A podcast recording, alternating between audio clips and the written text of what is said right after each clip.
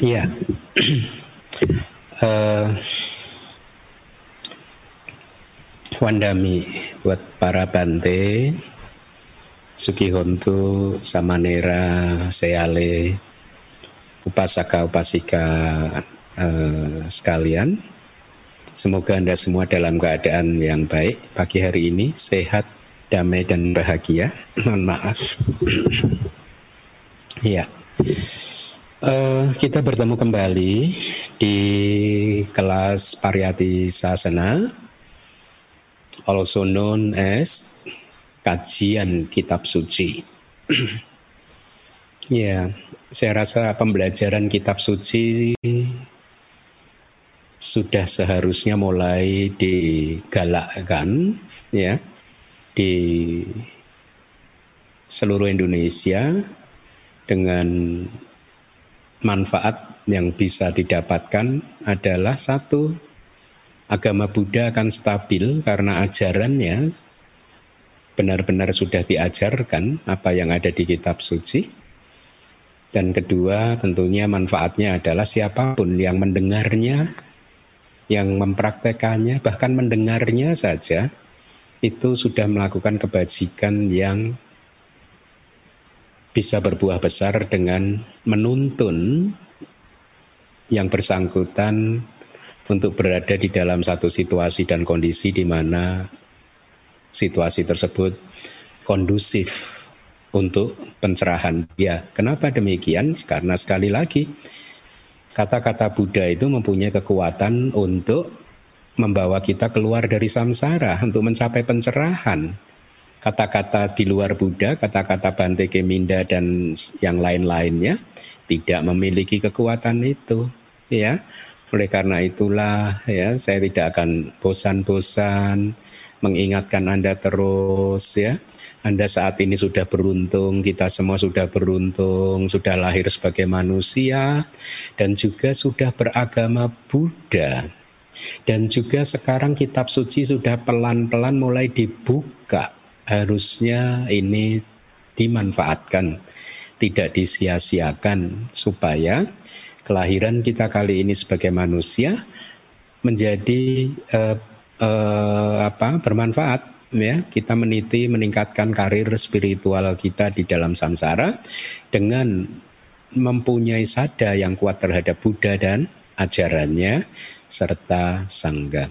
Anda Anda Anda pah, uh, aware nggak ketika Anda mengatakan bahwa saya pergi Berlin pergi ke Buddha sebagai tempat perlindungan, pergi ke Dhamma sebagai tempat perlindungan gitu ya.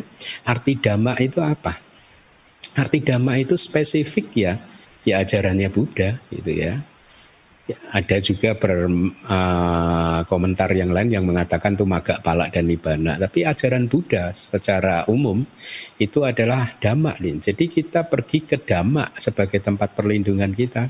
Ya, artinya ajaran Buddha inilah yang menjadi tempat perlindungan kita gitu bukan ajarannya Bante Keminda begitu jadi ajarannya Buddha harus Anda jadikan sebagai tempat perlindungan baik eh, pagi hari ini kita akan mencoba eh, mempelajari satu suta yang baru. Suta tersebut berjudul Mara Deya Suta. Mungkin slide-nya bisa ditampilkan ya. Ya, masih berasal dari Itik Utaka. Uh, saya terjemahkan menjadi kerajaan Mara, Mara Dea. Ya, meskipun uh, Dea itu bisa mempunyai beberapa makna ya. Eh, salah satunya kerajaan itu kemudian juga mempunyai makna sebagai eh, wilayah jangkauan ya. Jadi Maradea itu adalah satu wilayah yang bisa dijangkau oleh Mara gitu ya. Atau juga bisa berarti daerah kekuasaan ya. Jadi Maradea itu daerah kekuasaan Mara gitu. Tetapi saya pikir uh, kemarin saya putuskan untuk menerjemahkannya menjadi kerajaan Mara saja itu ya. Nah, di suta ini Maradya Suta dari Iti Wutaka, sutanya sangat pendek dan kitab komentarnya juga tidak terlalu panjang. Uh, juga menurut saya tidak terlalu lengkap kitab komentarnya tidak terlalu lengkap sehingga akhirnya kemarin saya memutuskan untuk membuat seri e, ceramah tentang mara. Oleh karena itu kelas pagi hari ini adalah kelas yang pertama tentang mara ya. E, di kelas-kelas berikutnya nanti saya akan kupas lebih dalam lagi e, dengan mengambil referensi dari berbagai sumber, tidak lagi dari suta yang pagi hari ini kita akan pelajari karena memang di suta yang pagi hari ini kita akan pelajari itu yaitu tadi referensinya hanya satu kali disampaikan mungkin sudah selesai. Nah sebelum saya menyampaikan apa yang ada di uh, kitab komentar, saya ingin petugas untuk membacakannya terlebih dahulu. Silahkan. Mara Deya Sutta Khotbah tentang kerajaan Mara ini benar-benar telah dikatakan oleh begawan, dikatakan oleh seorang arahanta. Berikut didengar oleh saya. Wahai para biku, seorang biku yang dilengkapi dengan tiga kualitas melampaui kerajaan yang mara dan bersinar seperti matahari. Dengan tiga yang manakah? Di sini, wahai para biku, seorang biku adalah dilengkapi dengan agregat sila yang merupakan properti seorang asekha, dilengkapi dengan agregat konsentrasi yang merupakan properti seorang asekha, dan dilengkapi dengan agregat kebijaksanaan yang merupakan properti seorang asekha. Wahai para biku, dilengkapi dengan tiga kualitas ini, seorang biku melampaui kerajaannya Mara, dan bersinar seperti matahari. Begawan mengatakan pesan itu. Sehubungan dengan hal tersebut, berikut ini dikatakan. Sila, konsentrasi, dan kebijaksanaan seorang biku yang kepadanya hal-hal tersebut telah dikembangkan dengan baik, melampaui kerajaan Mara, bersinar seperti matahari.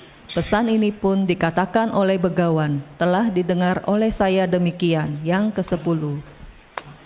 Baik, eh, terima kasih Aling. Eh, kitab komentar menjelaskan uh, asal mula dari khotbah ini gitu. Jadi K Upati apa asal mulanya untuk suta yang ke-10 ini. Jadi suta ini adalah suta yang ke-10 di subbab salah satu subbab di Iti Utaka gitu ya. Jadi asal mulanya seperti ini.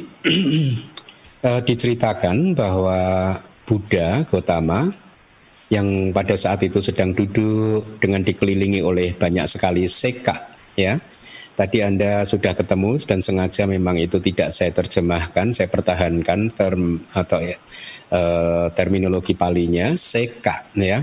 Kadang ditulis S E K H A, kadang juga ditulis S E double K, K K H A gitu ya. Seka itu arti dari seka itu adalah seorang murid yang mulia yang sedang berlatih untuk mencapai buah arahanta. Itu makna dari uh, uh, kitab-kitab komentar ya.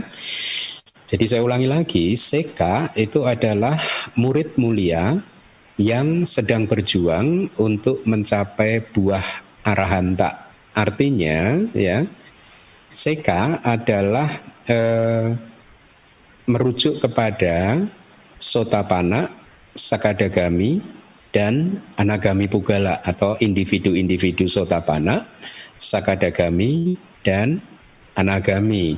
Putu jana di sini tidak termasuk dalam istilah seka ya makanya tadi definisinya adalah murid mulia. Murid mulia itu atau murid yang mulia itu artinya murid yang sudah mencapai maga dan palak ya yang menjadi aspirasi Anda ketika uh, setiap kali Anda memba uh, habis mengambil sila atau mungkin melakukan kebajikan-kebajikan karena Anda beraspirasi ingin mencapai maga dan palak kan supaya menjadi seorang Arya, seorang yang mulia ya. Ketika Anda menjadi sotapana maka Anda masuk dalam kategori klasifikasi CK itu ya. Nah jadi pada waktu itu Buddha sedang duduk dengan dikelilingi oleh banyak sekali CK kata kitab komentar banyak sekali gitu. Dan pada saat duduk seperti itu Buddha mengamati kecenderungan mereka ya.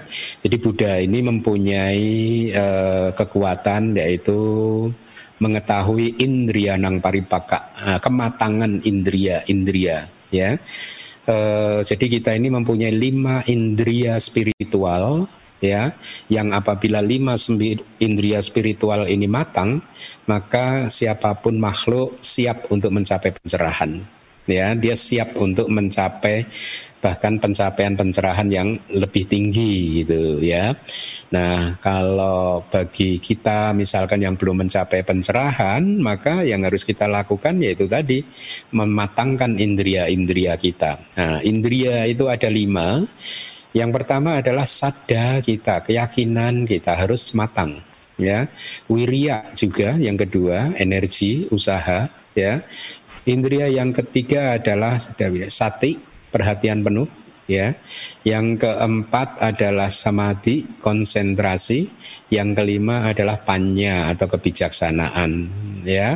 Nah, kalau indria ini sudah matang ya maka seseorang dikatakan siap untuk menembus empat kebenaran mulia ya dengan demikian dia menjadi seorang Arya itu tadi ya Nah tadi Buddha sedang mengamati kemata kecenderungan para seka yang jumlahnya banyak tadi. Kira-kira kapan atau uh, yang mana yang siap untuk menjadi arahat gitu.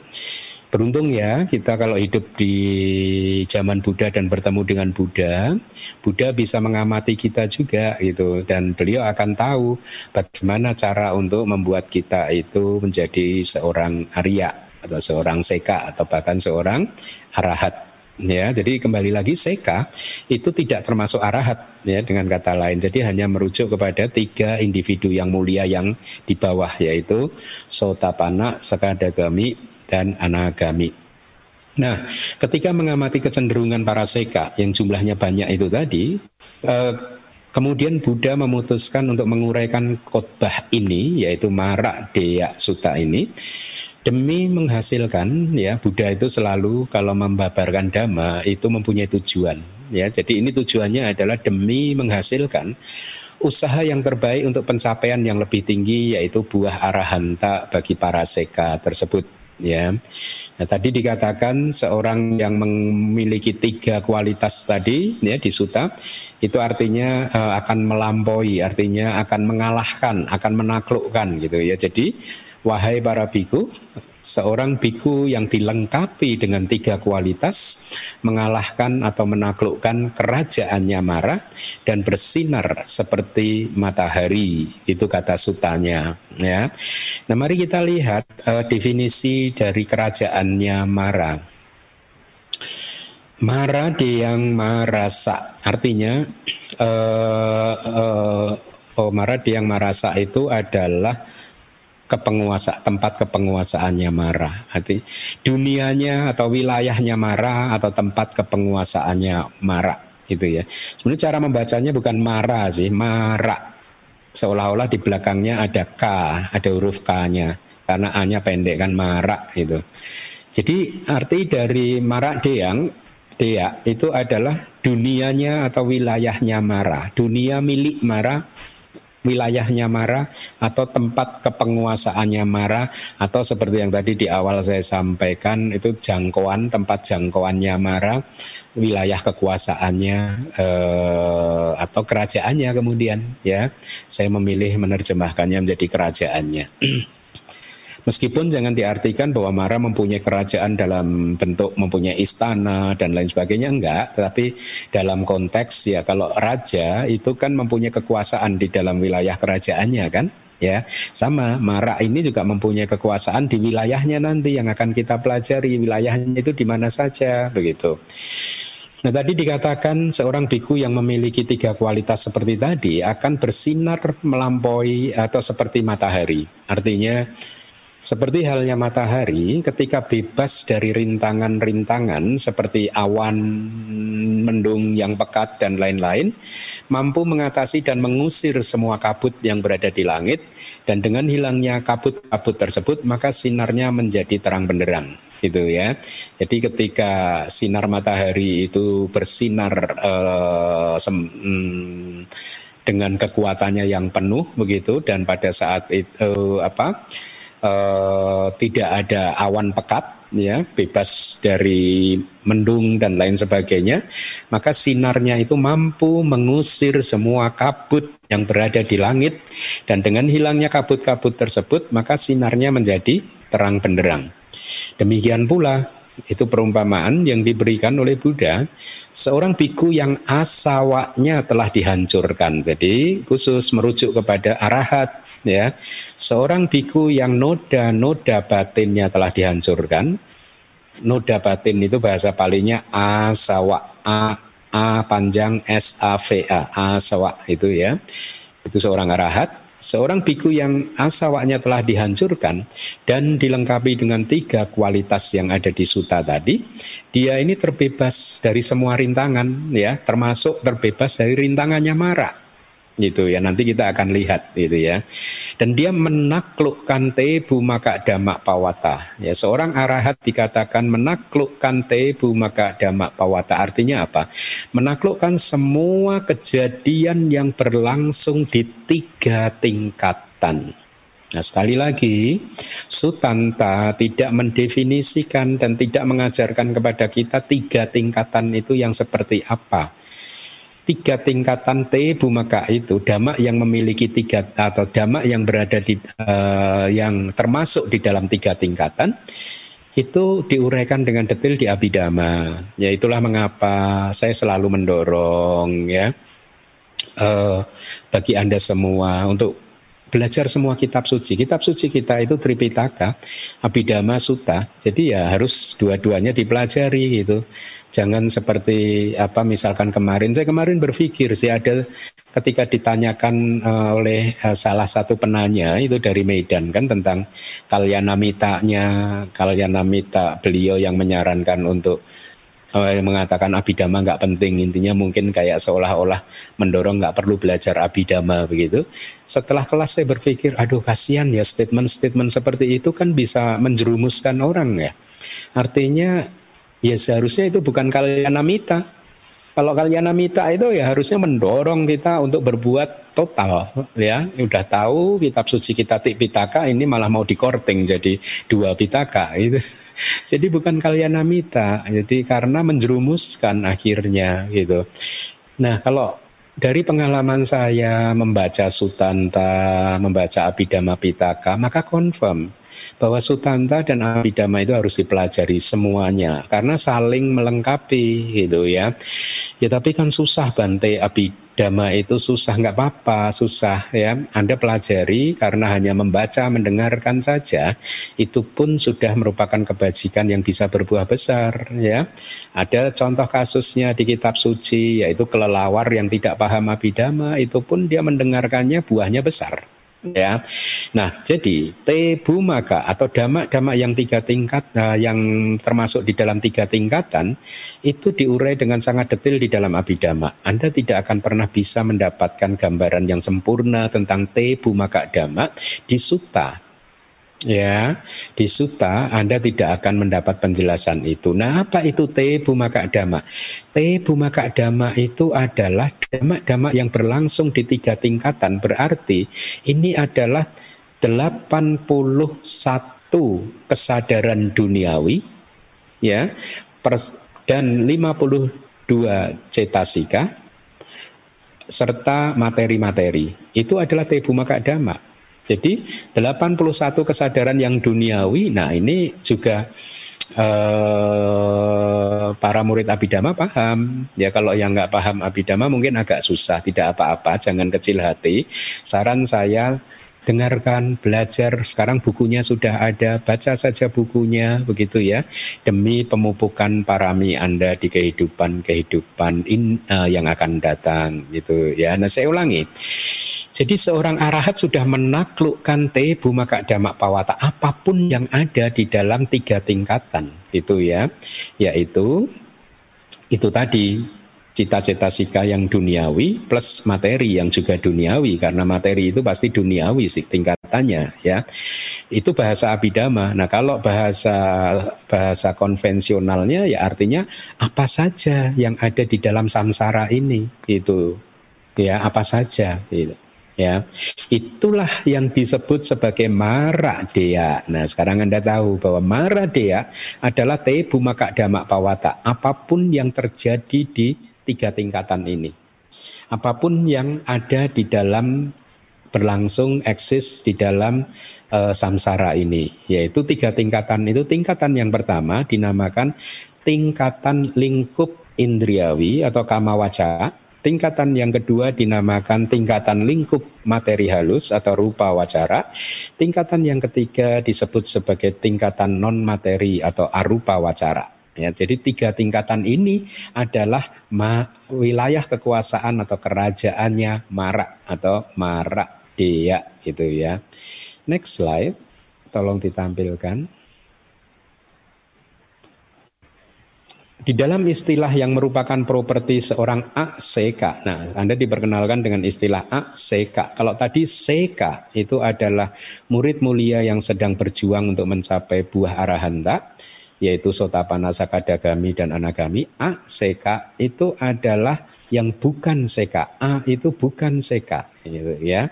Bukan CK berarti siapa? Murid mulia yang bukan CK, yaitu Arahanta. Jadi seorang arahat atau arahan tak lebih tepatnya itu diberi nama julukan akseka atau seseorang yang sudah tidak berlatih lagi untuk pencapaian buah arahanta. Mereka lahir di dalam latihan-latihan itu uh, itu definisi untuk sekanya ya. Jadi seka adalah makhluk-makhluk yang lahir di dalam latihan. Itulah mengapa disebut sebagai murid yang mulia yang masih berlatih untuk pencapaian kearahantaan. Arti mereka lahir di dalam latihan-latihan adalah bahwa mereka itu masih berada di dalam latihan itu belum di luar latihan kalau arahat itu sudah di luar latihan sudah tidak harus berlatih lagi ya jadi itu arti kalimat mereka lahir di dalam latihan mereka berada di dalam latihan gitu secara alamiah mereka akan terus berlatih gitu ya. Atau next slide.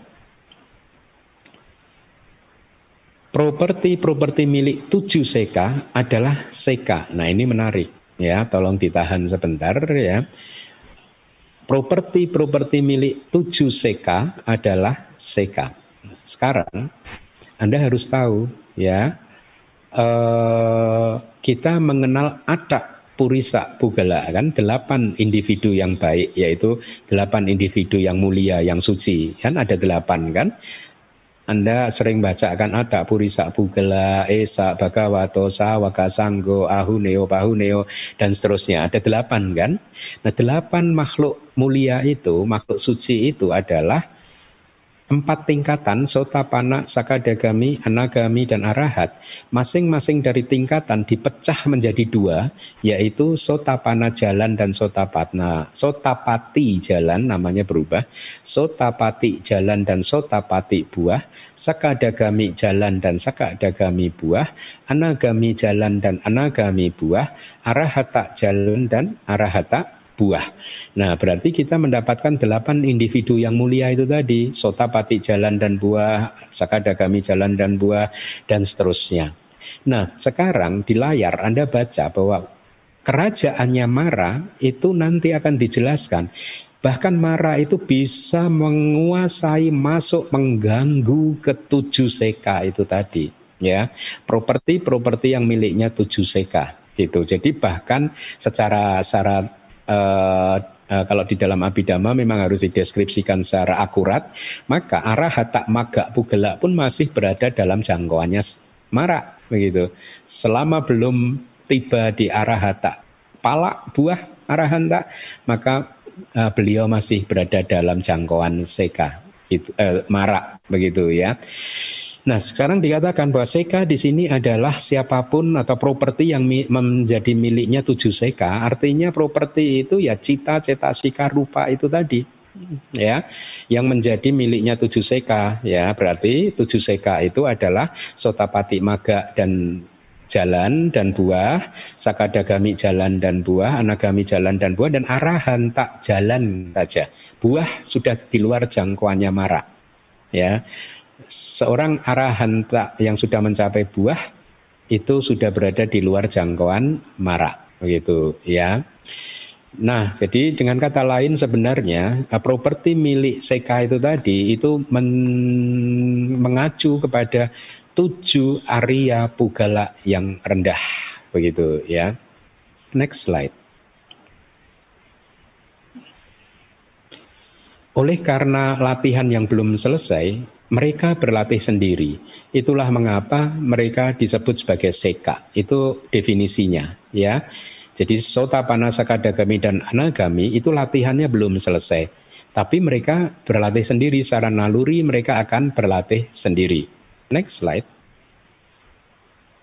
Atau seka adalah kualitas-kualitas yang berasosiasi dengan jalan dan yang berasosiasi dengan tiga buah yang rendah. Artinya jalan dan buah uh, yang rendah. Jadi ini kalau di sini uh, ya lihat berasosiasi dengan jalan berarti berasosiasi dengan empat jalan sotapata, sotapati, maga, kadagami maga, jalan, anagami jalan, dan arahata jalan. Tetapi buah hanya tiga saja, yaitu yang sotapati, sakadagami, dan anagami. Tidak termasuk di uh, arahanta. Jadi sekali lagi, uh, nanti akan dijelaskan bahwa wilayah jangkauannya Mara itu ya itu tadi tujuh uh, individu yang mulia. Uh, tadi selain arahata pala pugala selain seorang arahat yang sudah mencapai buah. Ya yang belum mencapai buah pun masih berada di dalam jangkauan uh, mara selanjutnya next slide. Sebaliknya kualitas-kualitas yang berasosiasi dengan buah yang tertinggi mereka tidak berlatih lagi karena tidak adanya dhamma yang harus dilatih di atasnya.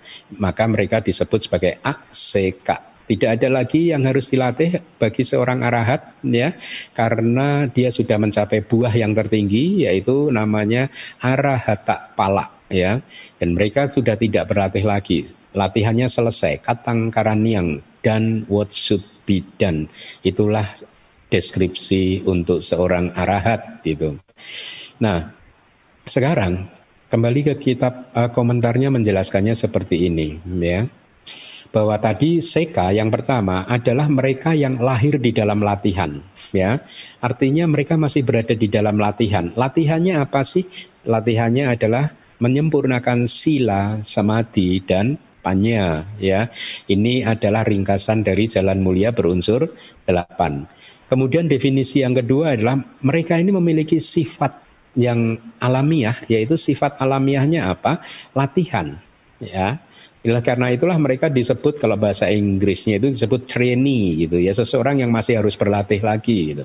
Ya, jadi by nature mereka ini akan berlatih untuk mencapai buah yang tertinggi, uh, mencapai buah yang lebih tinggi sampai akhirnya mencapai buah yang tertinggi gitu. Ketika sedang mencapai buah arahanta, maka mereka sudah tidak berlatih lagi, ya. Jadi ketika sudah mencapai buah arahanta, mereka sudah tidak berlatih lagi, gitu.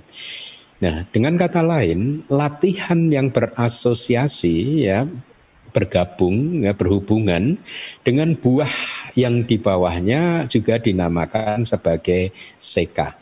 Jadi di suta ini dijelaskan bahwa yang benar-benar berada di luar jangkauan mara adalah para Buddha dan arahanta. Ya, istilah arahat atau arahanta itu Buddha itu juga arahat kan?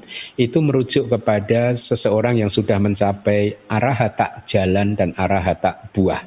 Bagi mereka yang baru mencapai arahata jalan belum tiba pada buah belum bisa disebut sebagai seorang arahat yang penuh gitu. Beliau adalah seorang individu yang berada di atas jalan arahata.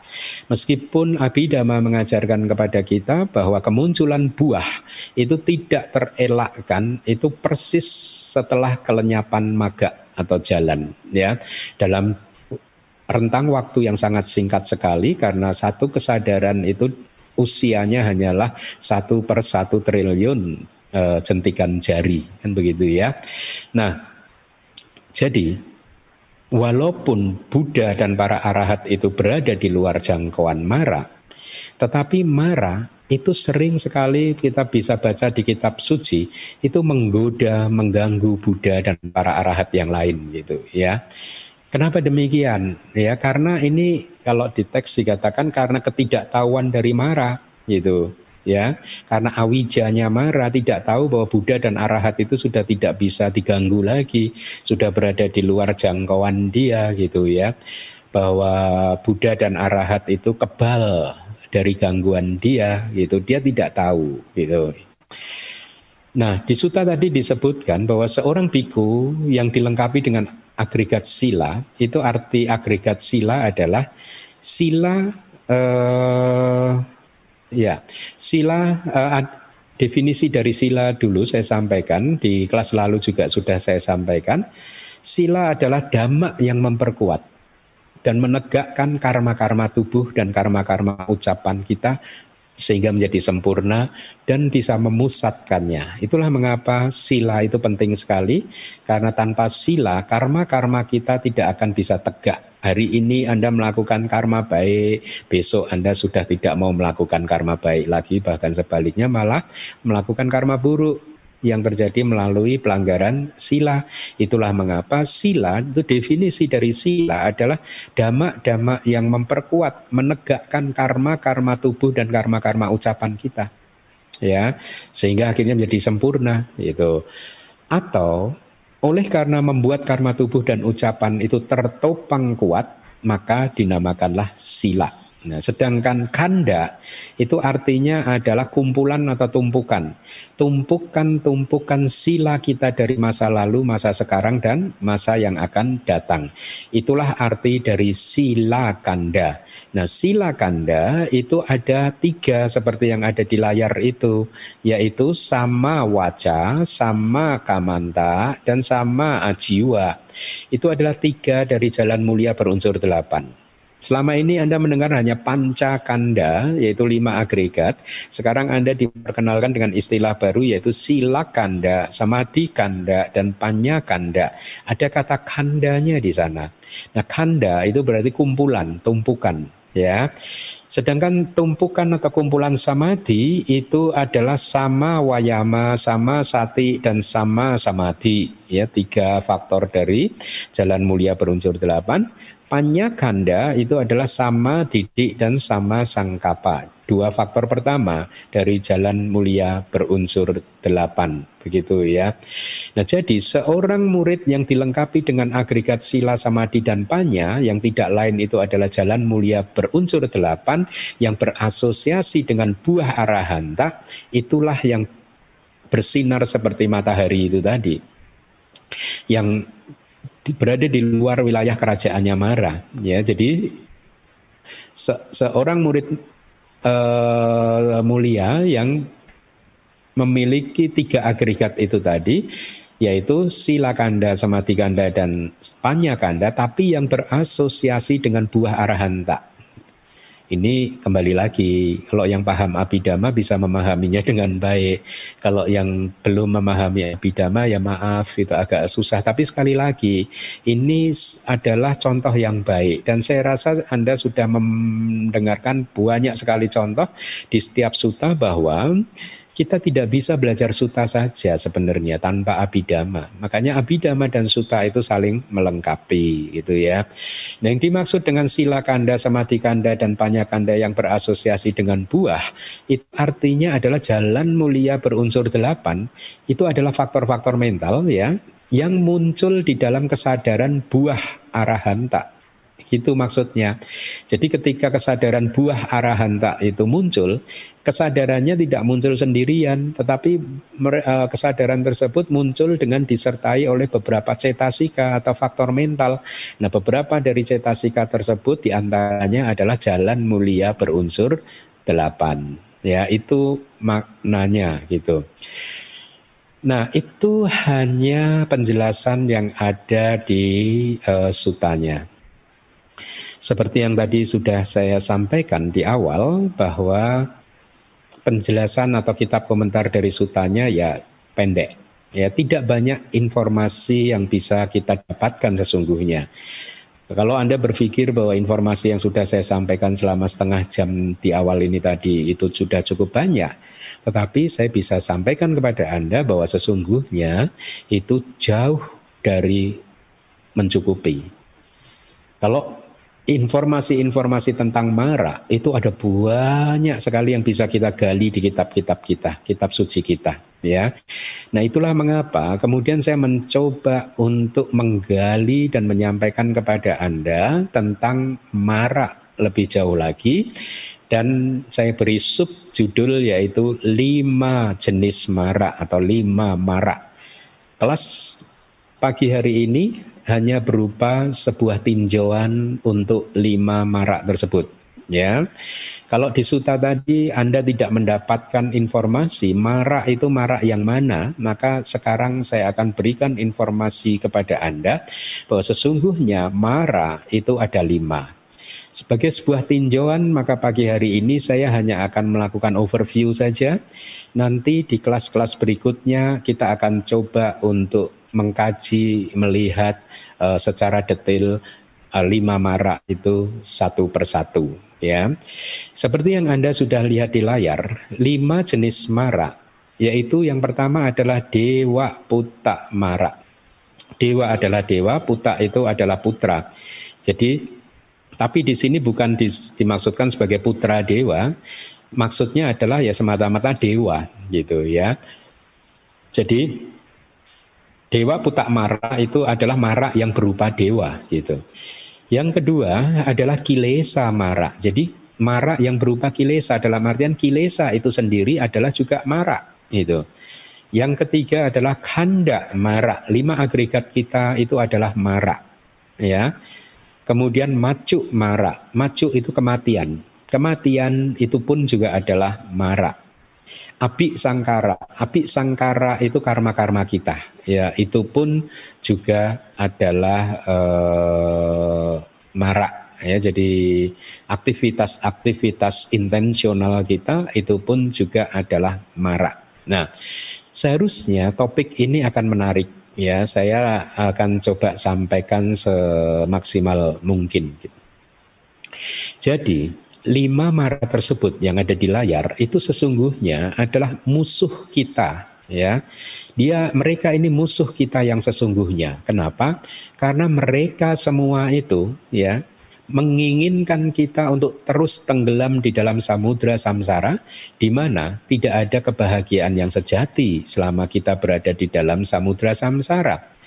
Dari lima jenis mara itu tadi hanya satu mara yang berupa makhluk yaitu dewa putak mara yang nomor satu itu. Tapi empat mara yang lainnya itu ada di dalam diri kita ya kilesa, kanda, macu. Macu itu kematian ya kita sedang menuju ke sana ya. Kemudian api sangkara ya. Kenapa uh, macu itu juga ada di dalam kita. Nah, kalau yang sudah belajar abidama tahu kematian itu sesungguhnya itu adalah terputusnya jiwit, jiwitindria uh, cetasika gitu. Yaitu faktor mental yang disebut indria nyawa gitu, nyawa kita. Itu ada di dalam kita juga, ya. Makanya dari lima jenis mara itu hanya satu yang eksternal yaitu yang nomor satu. Sementara empat mara yang berikutnya itu internal ada di dalam tubuh kita sendiri begitu ya.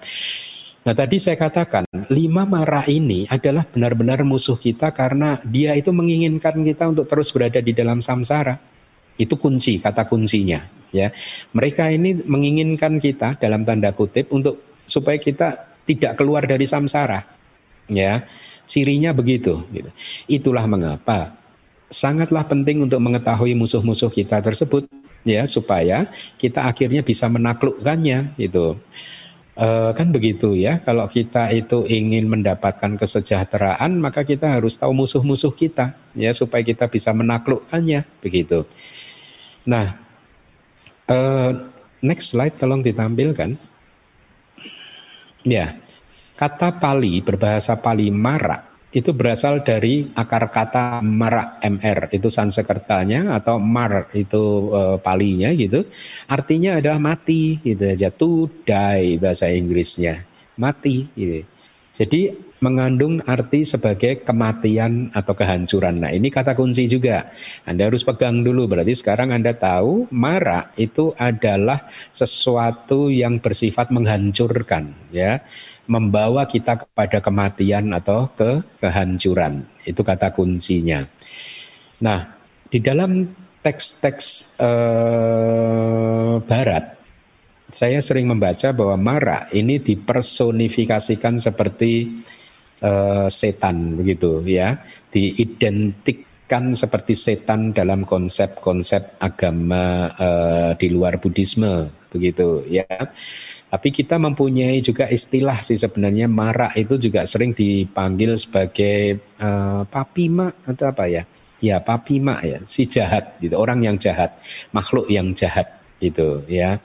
Nah, seperti arti kata dari uh, uh, kata marak itu sendiri tadi adalah kematian, maka marak pun juga bisa dimaknai di dalam dua makna. Pertama, dia ini sebagai pembunuh kebajikan dan pembunuh kehidupan. Ya, makanya tadi ada kilesa mara.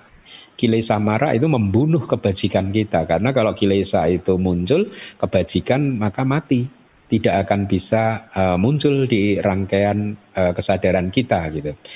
Nah, dengan kata lain mara bisa diidentikan sebagai seorang pembunuh gitu. Itu hanya perumpamaannya ya.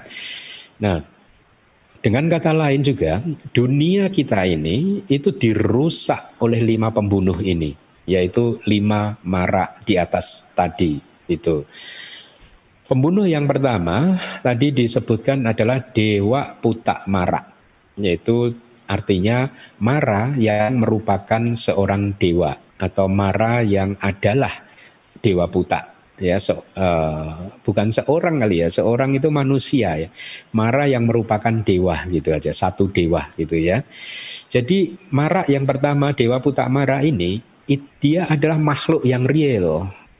Dia ini dewa dewa yang hidup di para nimita wasawati itu ya yaitu surga yang ke keenam yang tertinggi di antara enam surga lingkup indriawi. Jadi beliau ini adalah salah satu dewa yang hidup di sana itu. Walaupun wilayah kekuasaannya itu tidak hanya di bumi surga saja, tapi juga bisa masuk ke bumi manusia ya. Bahkan di salah satu suta yang saya belum sempat mencarinya, saya ingat Mara bisa naik sampai ke alam Brahma loh. Itu. Mudah-mudahan nanti minggu depan atau minggu-minggu berikutnya saya bisa menemukan referensinya itu ya. Sedemikian hebatnya kekuatan dari Mara itu bahkan dia bisa naik sampai ke alam Brahma gitu. Ya. Nah jadi kembali saya ulangi lagi, walaupun dia hidup di alam surga para nimita wasawati, tetapi dia bisa juga masuk ke bumi manusia. Ya, nah perlu anda ketahui bahwa sesungguhnya Mara itu bukanlah raja dewa di bumi para nimita wasawati. Dia bukan rajanya gitu. Yang menjadi raja di bumi para nimita wasawati itu adalah dewa yang lain gitu ya. Uh, bukan dia gitu. Tetapi Dewa Putak Mara ini atau Mara Dewa Putak ini itu uh, uh, uh, seingat saya dia adalah seorang pangeran di dalam kerajaan di Dewa uh, Paranimita Wasawati, tapi pangeran yang nakal gitu. Jadi dia itu memberontak, memberontak kepada raja. Emang sifatnya seperti itu, ya sifatnya seperti itu. Di sana memberontak, di sini memberontak gitu ya. Itulah mengapa sifat-sifat seperti itu terbawa. Ketika dia masuk ke bumi pun dia sering memberontak, artinya mengganggu Buddha dan para arahat. Bahkan mengganggu uh, tidak hanya para arahat ya Sotapana Sakadagami diceritakan bahwa yang mulia Ananda ya ketika mengiringi Buddha, menemani Buddha di hari-hari terakhirnya Buddha sebelum Buddha mencapai parinibbana ya di ketika Buddha mengatakan bahwa apabila ada yang menghendaki sang tata gata bisa hidup sampai ke ayu uh, sampai ke batas usia maksimal di kelahiran uh, manusia yaitu pada zaman itu kitab komentar menjelaskan bahwa Buddha sesungguhnya bisa hidup sampai umur 120 tahun ya sampai akhir dari kalpa ayu kapaknya begitu 120 tahun ya tetapi itu dengan catatan ada orang yang memohonnya dan Buddha sudah menyampaikan kode itu tiga kali kepada Ananda tetapi Ananda karena kesedihannya dia tidak memohon kepada Buddha, mohon Buddha bertahan sampai akhir dari kalpa ini yaitu ayu kapaknya 120 tahun begitu. Dia tidak menyampaikan itu ya. Nah, eh, kitab komentar menjelaskan bahwa pada saat Buddha menyampaikan kalimat itu tiga kali ya, yang mulia Ananda sedang dicengkeram dikuasai oleh Mara ini. Jadi Marak berjuang sedemikian rupa supaya yang Arya Ananda tidak memohon kepada Buddha untuk memperpanjang umur beliau hidup sampai umur 180 tahun dan akhirnya kan seperti yang kita ketahui bersama Buddha parinibbana pada usia 80 tahun kan ya. Nah, eh, intinya Mara ini tidak ingin dhamma ini tersebar, ajaran Buddha ini tersebar. Kenapa? Karena kalau ajaran Buddha ini tersebar, ya, maka akan banyak orang yang di, uh, berlatih dengan benar dan akhirnya juga uh, mencapai tingkat kesucian arahat dan kemudian parinibbana berada di luar jangkauan Mara. Jadi konteksnya seperti itu. Kenapa Mara sering mengganggu para biku? Karena memang dia tidak ingin, meng, tidak menghendaki orang itu bisa keluar dari samsara atau mencapai tingkat kesucian arahat gitu. Bahkan maaf ini sering saya merenung, aduh ini jangan-jangan ya, yang sering menganjurkan abidama itu bukan ajaran Buddha, abidama nggak penting, jangan-jangan juga sedang dipengaruhi mara. Saya sering merenungkan seperti itu, ya, sedang dipengaruhi mara seperti ya apalagi orang Indonesia pasti mudah dipengaruhi oleh mara. Yang Arya Ananda saja mudah, jangankan yang Arya Ananda, arahat-arahat yang lain pun diganggu begitu. Kayak yang Arya Mogalana itu pernah diganggu juga meskipun tetap saja itu berada di luar jangkauannya Mara, tetapi Mara bisa masuk ke perutnya yang Arya Mogalana loh. Ya, jadi saya sering merenung nih jangan-jangan ya orang-orang yang mengatakan abidama bukan ajaran Buddha, nggak usah belajar abidama itu sedang dipengaruhi oleh Mara karena dia tidak ingin dhamma yang sejati itu uh, flourish, berkembang di mana pun, termasuk di Indonesia gitu. Nah, kembali lagi ke topik. Mara itu adalah tadi adalah seorang pangeran ya. Jadi eh, eh, sifatnya itu pemberontak, itu itu yang harus anda ketahui. Tapi ini Mara yang pertama ya, eh, eh dan juga mengganggu siapa pun tidak hanya mengganggu manusia tapi juga mengganggu dewa, para brahmana juga ya setiap kali mereka melakukan kebajikan. Jadi jadi hati-hati ketika Anda melakukan kebajikan, kemungkinan akan ada juga marah yang mengganggunya gitu supaya Anda tidak melakukan kebajikan gitu. Dewa Putak Mara selalu mendorong makhluk untuk tetap lahir lagi. Dia tidak ingin makhluk itu keluar dari samsara gitu. Bagi manusia yang tidak memiliki sada yang kuat terhadap nibana, ya, tidak memiliki keyakinan yang kuat terhadap nibana, maka dia akan memberikan semangat untuk terus terikat pada samsara. Itulah mengapa tadi saya katakan, kalau Anda tidak mempunyai cukup sada terhadap pariyati, maka Mara akan memberi semangat kepada Anda untuk, oh iya, kata kalian namita saya abidama nggak penting, berarti saya nggak usah nggak usah belajar abidama. Mana yang lebih kalian namita? Seseorang yang mendorong Anda untuk belajar semua kitab suci atau seseorang yang mendorong Anda untuk mempelajari kitab suci yang sudah didiskon, sudah dipotong-potong. Kali ini dia menganjurkan tidak usah belajar abidama. Besok dia akan menganjurkan oh suta yang ini nggak penting, nggak perlu lagi, dipotong-potong. Jangan-jangan itu adalah perilakunya marah, ya, didorong oleh marah gitu. Demikian pula halnya bagi mereka yang kalau tadi yang tidak memiliki sada dikatakan ya seperti itu, tapi bagi mereka yang memiliki sada tapi wirianya lemah, energinya lemah, usahanya lemah ya. Dan bagi mereka yang memiliki sada dan wirianya yang kuat tapi panyanya lemah, maka mereka juga didorong terus untuk jangan melakukan kebajikan, kemudian eh, apa eh, intinya dihalang-halangi untuk berlatih secara benar supaya tidak bisa mencapai tingkat kesucian arahanta ya uh, yang membuatnya berada di luar jangkauan mara. Gitu. Dewa Putak Mara tidak hanya jahat, gitu, tapi juga merupakan dewa yang menghancurkan moralitas atau akhlak atau sila seseorang aspirasi-aspirasi tinggi untuk mencapai jalan dan buah adalah targetnya Mara. Demikian informasinya ya. Jadi semua orang yang mengucapkan aspirasi untuk mencapai jalan dan buah itu ditarget sama Mara, digoda, diganggu ya. Dia memiliki 10 bala tentara yang hebat yang mampu menaklukkan makhluk yang lemah uh, lemah keberaniannya, lemah kekuatannya, lemah silanya, dan lemah satinya. Gitu. Itu adalah Dewa Putak Mara. Yang kedua adalah Kilesa Mara. Ya, ini overview dulu, nanti minggu depan akan saya detilkan.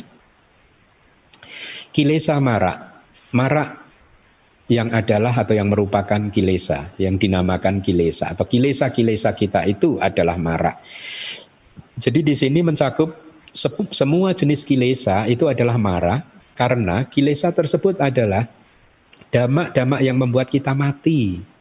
Damak-damak yang membuat kita hancur. Jadi keywordsnya kata kunci dari mara adalah sesuatu yang menghancurkan atau sesuatu yang bisa membuat kita mati. Itu keywordnya ya. Maka memahami kilesa mara menjadi mudah karena memang kilesa itu menghancurkan ya semua kilesa ini senantiasa uh, muncul berkembang menguat di rangkaian kesadaran makhluk putu jana sejak awal samsara. Jadi sejak awal samsara kita ini yang awalnya sudah tidak bisa diketahui, kilesa itu terus menerus muncul, berkembang, menguat dan seterusnya. Itu.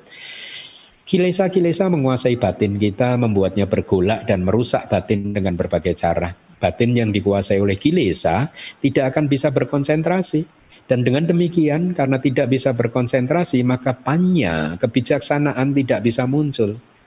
Jadi kile samara itu adalah satu penghancur yang menakutkan karena mereka mendorong makhluk untuk jatuh dalam siklus kelahiran dan kematian. Bahkan mendorong makhluk untuk jatuh ke dalam bumi apaya. Makanya kile samar itu adalah mara. Begitu logikanya.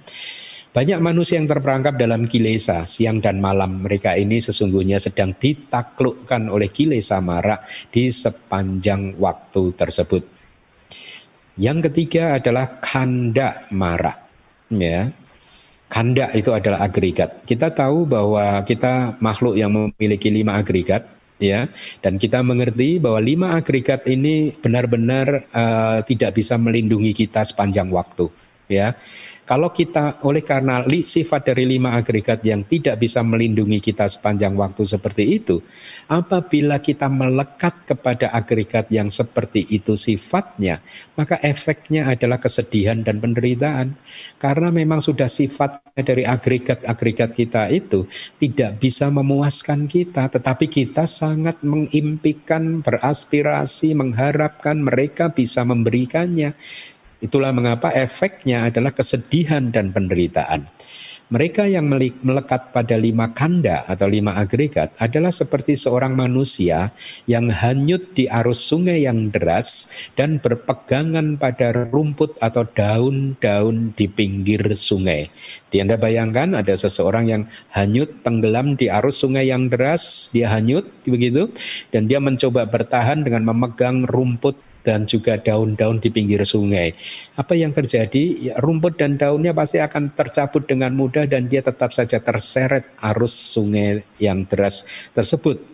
Ya, itulah mengapa mereka yang benar-benar berpegang kepada agregat-agregat akan terseret di dalam uh, kesedihan dan juga penderitaan. Buddha mengatakan bahwa lima agregat adalah duka, ya, adalah penderitaan karena kenapa? Karena sifatnya yang muncul dan lenyap. Bahkan ketika kita merasa kehidupan kita ini sedang baik-baik saja atau sedang aman-aman saja, tapi sesungguhnya agregat-agregat kita ini tidak stabil. dan ketidakstabilan dari agregat-agregat ini, ketidakstabilan dari pikiran Anda, perasaan Anda, persepsi Anda, dan lain sebagainya, itu adalah ancaman yang nyata sesungguhnya. Karena ketidakstabilan agregat-agregat itu akan terus menekan kita, ya. Dengan apa? Dengan memunculkan usia tua, penuaan, dengan memunculkan penyakit, dan akhirnya memunculkan kematian. Tapi sebelum terjadinya kematian akan banyak sekali penderitaan-penderitaan yang kita alami dan kita membenarkan itu karena sampai hari ini pun kita sudah banyak menderita ya. Itulah mengapa lima agregat adalah juga disebut sebagai marak atau pembunuh dan penghancur. Maaf saya minum sebentar.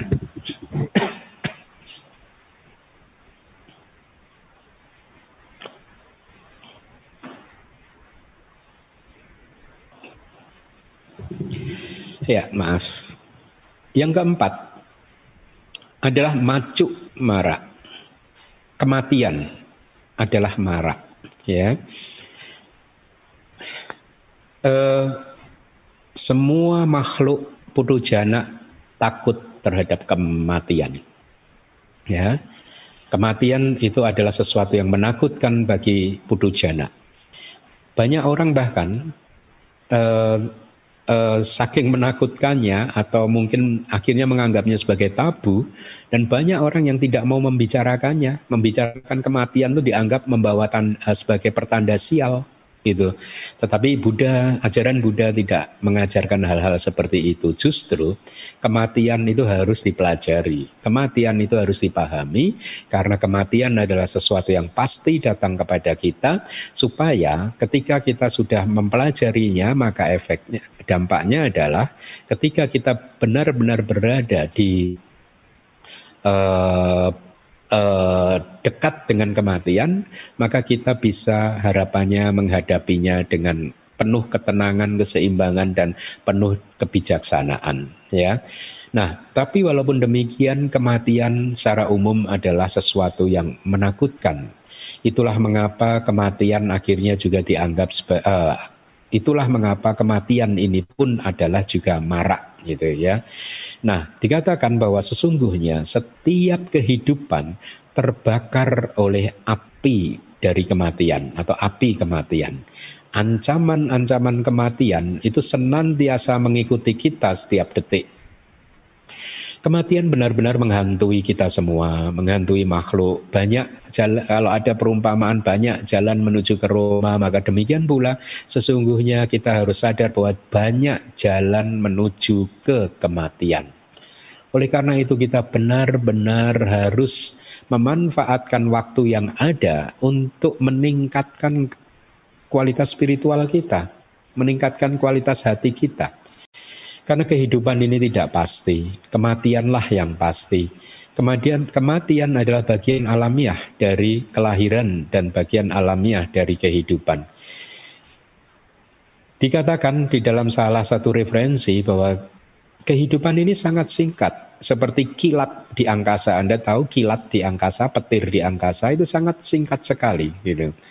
Ya, tapi jarang sekali manusia yang sadar bahwa kehidupan ini singkat dan itulah mengapa harus diisi dengan sesuatu yang baik. Nah, eh, kematian akan selalu muncul pada makhluk yang masih dikuasai oleh awija dan tanha, ketidaktahuan dan nafsu kehidupan. Selama kita masih mempunyai awija dan tanha, ya, maka kematian itu juga uh, uh, akan uh, datang. Sesungguhnya juga seorang arahat, ya, Anda tahu nggak? Uh, bagi seorang Buddha, ya, Buddha Gotama dari lima mara ketika beliau masih hidup, ada berapa mara yang berhasil beliau taklukkan? Hmm? Marak yang Dewa Putak Mara beliau berhasil menaklukkan. Kilesa berhasil ditaklukkan. Kanda? Kanda Mara ditaklukkan enggak? Hah? Enggak kan ya? Macuk Mara kematian enggak ditaklukkan juga. Ya. E, kemudian Api Sangkara Mara ditaklukkan. Ya, jadi ada dua marak yang tidak ditaklukkan yaitu uh, selama beliau masih hidup ya kanda mara dan juga maju mara itu belum uh, beliau taklukkan. Tetapi ketika sudah parinibbana maka semua mara ditaklukkan ya. Nah kembali lagi. Jadi dengan deskripsi tentang kematian yang sudah saya berikan itu tadi maka kematian pun disebut sebagai mara yaitu dalam konteks sebagai si pembunuh gitu. Yang terakhir kelima adalah api sangkara mara atau aktivitas intensional.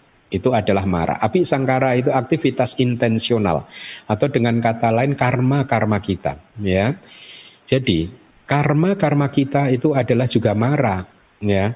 Karma baik ataupun karma buruk tetap saja itu adalah mara. Itu kenapa? Karena setiap karma tersebut buahnya itu hanya munculnya di dalam samsara ya di dalam siklus kelahiran dan kematian ya itulah mengapa karma ini pun juga mara istilahnya api sangkara di sini ya nah sedangkan samsara itu adalah duka, adalah penderitaan.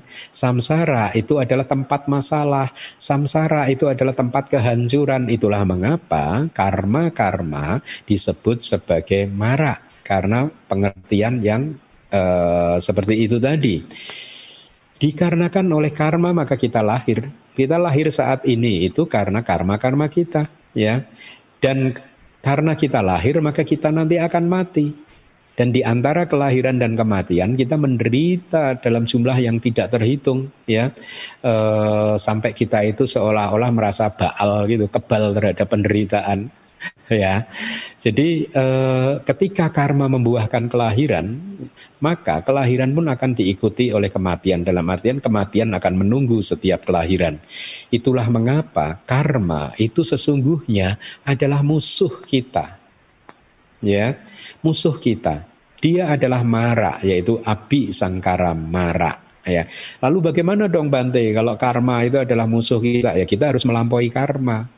Cara melampaui karmanya bagaimana? Ya kita harus berjuang untuk memotong akar dari karma. Akar dari karma itu apa Bante? Awija dan tanha. Kalau Anda sudah berhasil memotong akar dari karma, maka semua tindakan Anda, ucapan Anda, pikiran Anda sudah tidak bisa lagi disebut sebagai karma. Tetapi kiria, inilah saat di mana Anda menjadi seorang arahat.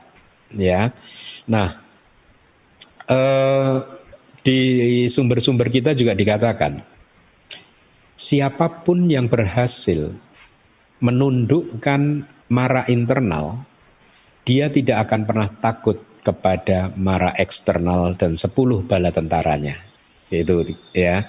Jadi di antara mara-mara internal itu yang paling berbahaya mana?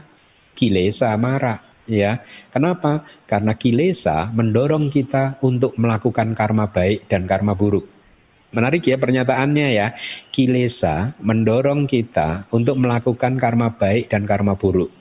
Nah, ini memahaminya butuh pemahaman abidama. Pemahamannya seperti ini. Seperti yang tadi sudah saya katakan, selama akar dari karma itu belum dihancurkan, maka aktivitas kita bisa selalu disebut sebagai karma. Itu dengan kata lain, ya, selama kilesa ini masih ada, maka aktivitas kita disebut karma. Kalau kilesa sudah dihancurkan, maka sudah tidak bisa disebut karma lagi aktivitas-aktivitas kita tadi. Disebutnya kiria, fungsional. Arti dari kiria atau fungsional itu adalah aktivitas yang hanya muncul saja untuk melakukan tugasnya semata-mata. Hanya ingin beraktivitas semata-mata, tapi tidak mempunyai potensi untuk menghasilkan buah karma. Jadi tidak mempunyai efek uh, yang bisa menghasilkan buah dari perbuatannya. Itulah mengapa itulah perbuatan yang terjadi pada para Buddha, Paceka Buddha dan para arahat itu ya. Nah, jadi sekarang Anda tahu bahwa yang mendorong perbuatan-perbuatan kita itu sesungguhnya itu adalah karma uh, kilesa-kilesa kita gitu. Jadi dari kilesa mara ya, dari adanya kilesa mara ya maka ketika kilesa marah ini muncul kita seolah-olah ditangkap oleh api sangkara mara ya kenapa karena karma-karma tersebut e, muncul disebabkan oleh kilesa. Ketika kita sudah di dalam tanda kutip ditangkap oleh api sangkara marah, maka efeknya apa? Kita akan mendapatkan pancakanda, lima agregat. Ya, e, itu adalah kanda mara. Ya, ketika kanda agregat ini yang disebut juga sebagai mara sudah didapatkan, maka kematian akan mengikuti, yaitu macu mara akan mengikuti. Jadi alasan yang pasti kenapa kita masih mengembara di dalam samsara ini adalah mara yang mana? Dari lima mara itu. Hmm? Anda bisa hmm, menentukan nggak dari lima mara yang menjadi alasan yang paling utama kenapa kita mengembara terus di dalam samsara yang mana? Ya, kilesa mara, ya. Kilesa mara itulah uh, alasan utama kenapa kita masih berada di sini. Selama kita tidak mampu menaklukkan musuh kita yang satu ini, maka kehancuran akan terus mengikuti kita. Ya, lalu bagaimana cara menaklukkannya? Ya, supaya kita bisa menghancurkan kile samara tadi, cara menaklukkannya adalah dengan berwipasana untuk mencapai buah arahanta sehingga kita bisa terbebas dari jangkauan atau wilayah kerajaannya Mara. Dan hanya pada saat itulah maka lima Mara pun akhirnya berhasil ditundukkan. Jadi demikian eh, ceramah pada pagi hari ini. Minggu depan kita akan lanjutkan lagi. Terima kasih, semoga bermanfaat. Sadu, sadu, sadu. Anumodana Bante atas penjelasan suta yang telah disampaikan kepada kami pada pagi hari ini. Semoga kami mendapatkan manfaat tertinggi dari pendengaran dhamma ini. Selanjutnya, kalian minta kita akan memasuki sesi tanya jawab. Untuk itu kami kembali akan membacakan tata tertib sesi tanya jawab ini. Saat sesi tanya jawab, bagi yang ingin bertanya, dipersilakan klik tanda raise hand, di mana fitur ini ada di bagian partisipan bila yang menggunakan komputer dan ada di titik tiga bagi yang menggunakan handphone. Kami panitia yang akan menentukan siapa yang mendapatkan giliran untuk bertanya. Pertanyaan kalian minta diharapkan sesuai dengan topik ceramah. Bagi kalian mitra yang diperbolehkan untuk bertanya akan di-unmute oleh host, jadi kalian mitra tidak perlu melakukan apa pun. Kalian minta diharapkan untuk memperkenalkan diri dengan menyebutkan nama dan kota atau negara tempat domisili. Dikarenakan adanya keterbatasan waktu, maka harap maklum apabila tidak semua penanya akan mendapatkan giliran. Agar memberikan kesempatan kepada semua kalian minta ingin bertanya, kami mohon agar masing-masing penanya hanya mengajukan satu pertanyaan terlebih dahulu. Pertanyaan pertama diberikan kesempatan kepada Saudara Joni. Kepada Saudara Joni kami persilahkan. waktu Bante. Iya Pak Joni. Saya Joni dari Medan. Iya. Uh, saya mau bertanya sehubungan dengan Dewa Mara Dewa Mara. Uh, dewa Mara apa uh, Dewa Mara ini kan dewa yang termasuk tingkat tinggi juga. Tahu saya uh, menjadi dewa itu apalagi tingkat tinggi itu tentu dana dan silanya juga harusnya luar biasa. Terus saya pernah membahas juga hal ini dengan kalian saya. Dia bilang bahwa Dewa Mara itu dia bisa menjadi Dewa Mara hanya karena dia adalah seorang raja berdana. Kan, seorang apa? Seorang raja berdana, maksudnya dia berdana itu sangat hebat. Jadi raja apa Pak? Raja berdana, Bante. Oh raja berdana, oke. Okay. Jadi dia mengatakan bahwa e, Dewa Mara itu bisa menjadi dewa karena ya itu kekuatan sebegitu hebatnya dari kekuatan berdana itu. Hmm. Sedemikian rupa sehingga dia bisa jadi seorang dewa. Sementara setahu saya kalau dewa kan harusnya dua-dua ya, dana dan sila harus kuat dua-dua. Nah, jadi saya jadi bingung juga kok dengan berdana saja langsung bisa jadi dewa terus tingkat tinggi terus dewanya jahat pula gitu loh Yeah. Ya, penting saya mau tanya. Nah, dewa terus jahat hanya dari berdana saja. Iya, baik. Pak Joni, apa yang kita bisa harapkan dari siapa pun yang masih punya kilesa? Setinggi apa pun tingkat pencapaian seseorang, selama masih mempunyai kilesa, ya segala hal buruk bisa saja terjadi. Saya pernah mendengar salah satu uh, teman biku dari salah satu kawan biku yang saya kenal, yang saya tidak sebut namanya. Beliau ini menguasai jana, ya seorang biku menguasai jana. Tetapi pada akhirnya dia lepas jubah, menikah. Dan contoh-contoh itu banyak. Itu ya. Yang ingin saya sampaikan, bahkan ketika seseorang men, jangankan hanya dana sila saja, seseorang yang sudah mencapai jana pun kilesa bisa muncul. Ya, karena jana itu tidak menghancurkan kilesa. Selama dia masih putu jana, mas belum tercerahkan, belum menjadi Arya Pugala, belum menjadi individu yang mulia, maka eh, kilesanya masih kuat. Ya, pintu apaya masih terbuka lima pintu, eh, empat pintu apaya neraka kerajaan binatang peta dan asura masih terbuka. Jadi apa yang kita harapkan dari makhluk-makhluk yang masih putu jana seperti itu? Ya arti dari putu jana, salah satu makna dari putu jana, putu itu banyak, mah jana itu eh, orang-orang uh, atau makhluk-makhluk, artinya makhluk yang banyak menghasilkan kilesa, makhluk yang banyak memunculkan kilesa. Jadi kita tidak bisa berharap banyak pada seorang putu jana. Oleh karena itu informasi ini harusnya bagus buat para suami dan istri ya.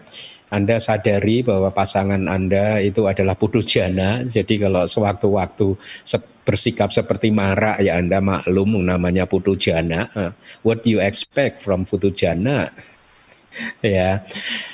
Nah, uh, bahwa tadi dikatakan uh, saya tidak pernah mendengar Pak Joni apakah apakah Mara itu dulunya itu adalah raja dalam berdana. Saya tidak pernah mendengar tetapi kelas minggu depan adalah khusus membahas Dewa Putamara mudah-mudahan saya menemukan referensinya tapi saya tidak pernah mendengar bahwa dia raja berdana. Bahwa untuk terlahir di alam surga itu karena berdana dan sila iya benar itu ya benar ya dan Anda harus pahami bahwa marak itu tidak hanya satu. Ya, marak yang sekarang ini bukan marak uh, di zaman-zaman sebelumnya juga banyak marak. Bahkan yang Arya Mahamogalana juga pernah jadi marak. Yang Arya Mogalana pernah jadi marak. Kalau nggak salah ada sutanya itu Maradusi namanya itu, ya. Nama beliau waktu jadi marak itu Maradusi, D Dusi, uh, D U U-nya panjang, S I I-nya panjang, ada garis di atasnya. Dusi gitu. Ya, beliau pernah terlahir sebagai Marak, ya. Uh, jadi poinnya adalah Marak masih putu jana, Pak Joni, dan karena dia putu jana, jadi ya wajar kalau dia jahat seperti itu. Loh, tapi Bante sudah lahir di alam surga kok kok masih bisa melakukan seperti itu. Nah, sekarang Anda tahu ya bahwa alam surga pun juga bukan sesuatu yang desirable, yang menyenangkan kan? ya. E, akan ada saja makhluk-makhluk yang seperti itu di alam surga itu ya. Nah kok bisa begitu? Bagaimana Bante? Ya sekali lagi alasannya juga kilesa dan kita bisa melihat banyak contoh di bumi manusia juga Pak Joni.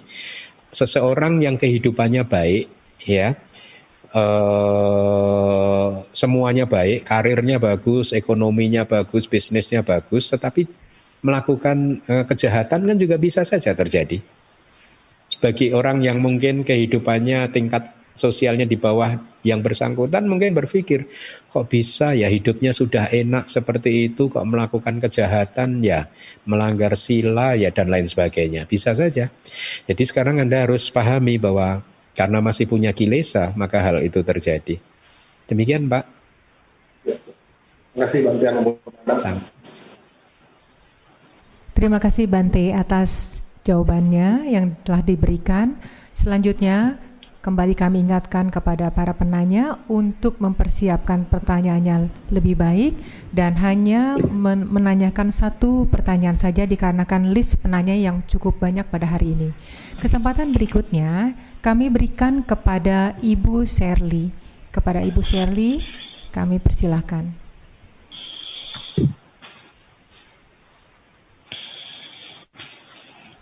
Ya, silahkan. Eh, belum, nggak dengar loh. Belum di unmute tadi. Silakan diulang lagi, Bu Sherly. Apakah sudah terdengar? Sudah terdengar. Oke, uh, terima kasih atas kesempatan yang diberikan. Uh, saya mau tanya, ketika uh, ada gangguan ketika meditasi, kayak kalau saya meditasi kan muka tuh sering gatel. Apakah itu marah? Apakah itu adalah uh, bad karma yang tidak ingin kita sukses di dalam bermeditasi? Itu aja pertanyaan. Apa? Apakah itu marah ataukah apa? Apa uh, itu adalah bad karma yang tidak ingin kita sukses dalam bermeditasi? Oh, Oke. Okay. Itu aja. Baik, baik, baik. Iya, kita tidak tahu persis apakah itu marah ya. Uh, karena untuk bisa mengetahuinya ya kita harus mengembangkan hmm, apinya ya yang bisa melihat makhluk-makhluk tersebut karena marah itu bisa menyaru istilahnya. Menyaru itu mengambil berbagai jenis wujud ya. Seperti yang tadi saya katakan bisa masuk dalam bentuk makhluk yang sangat kecil masuk ke perutnya yang Arya Mahamogalana, kemudian bisa bahkan berwujud seperti awan hitam yang berarak-arak dan lain sebagainya. Jadi eh, kalau kita tidak mempunyai apinya maka akan sulit untuk memastikannya, ya. Lalu bagaimana? Eh, apakah itu tadi karma penghalang gitu mungkin ya? Hmm, Iya, bisa jadi ya, tetapi sesungguhnya kalaupun itu adalah buah karma yang ingin menghalangi, ya, kita ini adalah makhluk yang tidak dikendalikan oleh buah dari karma, Ibu. Artinya, kita ini adalah manusia yang mempunyai kekuatan untuk eh, apa? Kekuatan mempunyai kekuatan untuk tidak terjerat di dalam buah karma buruk. Ya. Kita adalah makhluk yang mempunyai kekuasaan penuh di dalam setiap detiknya untuk mengambil jalan ke kiri atau jalan ke kanan, untuk mengambil jalan yang buruk atau untuk mengambil jalan yang baik, ya. Dan itulah mengapa ajaran atau pemahaman atau ilmu-ilmu kitab suci itu menjadi penting sekali. Karena dengan ilmu-ilmu yang kita pelajari ini kita bisa mengerti bahwa dalam satu kondisi seperti ini kita harus ke kiri atau harus ke kanan. Harus mengambil jalan yang mana. Nah, itu pengetahuan kitab suci itu membantu kita. Sesungguhnya eh, manfaat dari pengetahuan kitab suci itu persis sama dengan manfaat dari ilmu sekuler, ya ilmu sekuler siapa pun kita dulu kan tidak ingin tidak belajar kan kita ingin belajar itu belajar dari SD SMP SMA dan seterusnya bahkan kita kalau nggak disekolahkan oleh orang tua kita mungkin kita menangis. Kenapa? Karena kita sadar kalau kita nggak sekolah nanti masa depan kita bagaimana gitu. Nah sama sebenarnya sama. Ilmu kitab suci juga begitu. Kalau kita nggak punya ilmu kitab suci maka masa depan kita bagaimana ini? Kenapa? Karena dengan tidak mempunyai ilmu kitab suci kita tidak bisa membedakan mana yang baik dan mana yang buruk. Kita tidak bisa mendapatkan petunjuk saya harus belok ke kiri atau harus belok ke kanan ketika menghadapi masalah-masalah di dalam kehidupan kita. Nah, jadi sekali lagi kita bukanlah makhluk yang dikungkung, dipenjara, diikat oleh buah karma. Sebaliknya kita itu mempunyai kekuasaan yang penuh untuk uh, memanfaatkan buah karma itu sebagai satu pijakan untuk memunculkan kualitas-kualitas hati yang baik. Ya, misalkan anggap saja itu adalah uh, tadi yang Anda sebutkan gatal-gatal atau apa di depan wajah itu adalah uh, buah dari karma penghalang, ya. Tetapi dengan pengetahuan Anda, Anda bisa mengetahui sekarang cara how to deal with it Bagaimana menyelesaikan masalah ini? Itu apakah saya harus uh, berhenti bermeditasi? Oh tidak, berarti tidak bijaksana. Kalau saya harus berhenti meditasi, berarti saya harus uh, mengembangkan kapasitas hati supaya bisa menerima kejadian ini dengan lapang dada dan anggap saja gatal-gatal di wajah itu sebagai guru untuk melatih kesabaran kita, guru untuk melatih kebijaksanaan kita supaya uh, kebijaksanaan yang bisa mengendalikan uh, kilesa-kilesa dari kemunculannya begitu. Jadi apa pun itu Bu, meskipun itu ada katakanlah tadi adalah marah ya. Uh, kalau kita mempunyai cukup uh, pengetahuan kita juga mempunyai cukup sada sila pengetahuan itu tadi panya ya. Sada kita kuat uh, sila kita bagus wirya kita bagus panya kebijaksanaan atau pengetahuan pariyati itu bagus. Ya mudah-mudahan bisa bisa bisa dipakai untuk menanggulangi hal tersebut. Tetapi kalaupun pernah terjadi kita gagal menanggulangi, nah katakanlah benar itu adalah marah juga jangan khawatir karena masih ada hari esok itu ya. Oh kemarin saya gagal nggak apa-apa, nanti diulangi lagi ya untuk uh, latihan yang lebih keras lagi supaya menjadi lebih baik lagi. Jadi intinya jangan putus asa sih Bu juga jangan menyerah putus asa itu kan menyerah ya nggak apa-apa kemarin gagal nggak apa-apa sekarang diperbaiki lagi begitu begitu bu Baik, terima kasih Bante atas penjelasannya. Selanjutnya kesempatan diberikan kepada Saudara Edwin Ada Aban. Saudara Edwin Aban, kami persilahkan. Uh, Suki untuk Bante. Iya. Halo, ya, ada suara jelas? Ya, jelas. Ah, saya Edwin dari Pineng, uh, Malaysia, Pandai. Uh, ya. Saya mau tanya, uh, apakah rambut yang panjang menjadi gangguan untuk pencapaian uh, area Pandai? Rambut panjang menjadi gangguan? Ya, ya, ya. Oh, oke. Okay. Ketika meditasi. Oke, okay. iya. Kalau Anda bukan biku seharusnya nggak apa-apa. Tetapi kalau mau retret jangka panjang itu akan menjadi gangguan tentu saja kan? Ya eh, karena kalau retret jangka panjang sehingga akhirnya rambutnya memanjang tentu itu akan menjadi gangguan gitu. Ya entah gangguan itu dalam bentuk kutu-kutunya masuk subur di dalam rambut tersebut atau menjadi kotor sehingga akhirnya membutuhkan perawatan yang lebih lama dengan mem, uh, sempo apa uh, mencuci rambut begitu dan lain sebagainya gitu. Tapi kalau hanya retret retret pendek begitu seharusnya sih tidak masalah sih ya rambut tidak sempat panjang gitu. Kenapa para biku itu juga memilih untuk seperti ini? Salah satu alasannya itu supaya kita nggak kerepotan dengan perawatan rambut dan lain sebagainya itu tadi gitu. Jadi udah lebih bagus apa uh, bisa dua minggu sekali, tiga minggu sekali kita cukur habis begitu, ini nyaman sekali gitu. Itu salah satu alasannya. Jadi uh, tingkat kesucian tidak ditentukan oleh atribut-atribut fisik itu yang harus diketahui, ya. Tingkat kesucian tidak ditentukan oleh pemakaian jubah atau tidak juga demikian, ya.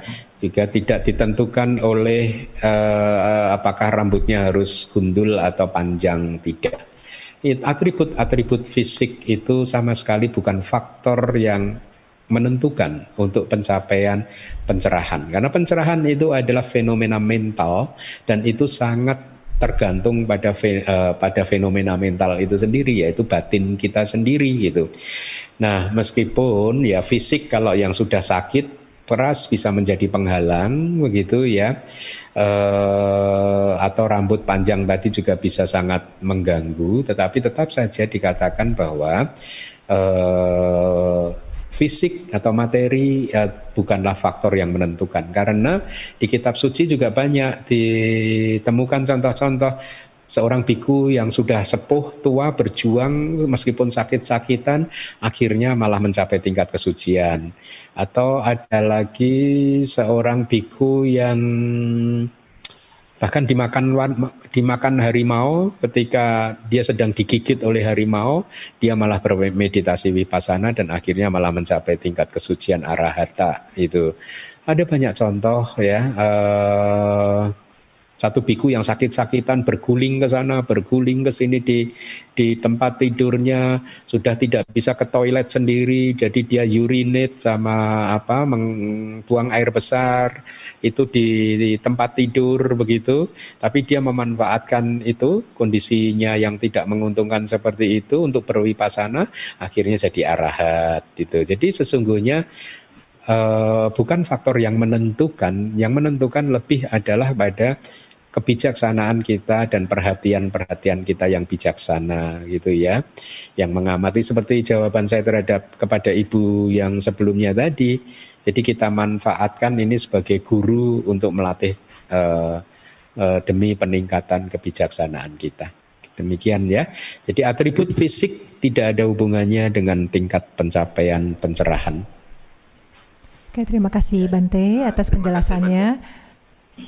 Penanya berikutnya kami persilahkan kepada Saudara Surya Adi. Kepada Surya Adi, kepada Saudara Surya Adi kami persilahkan.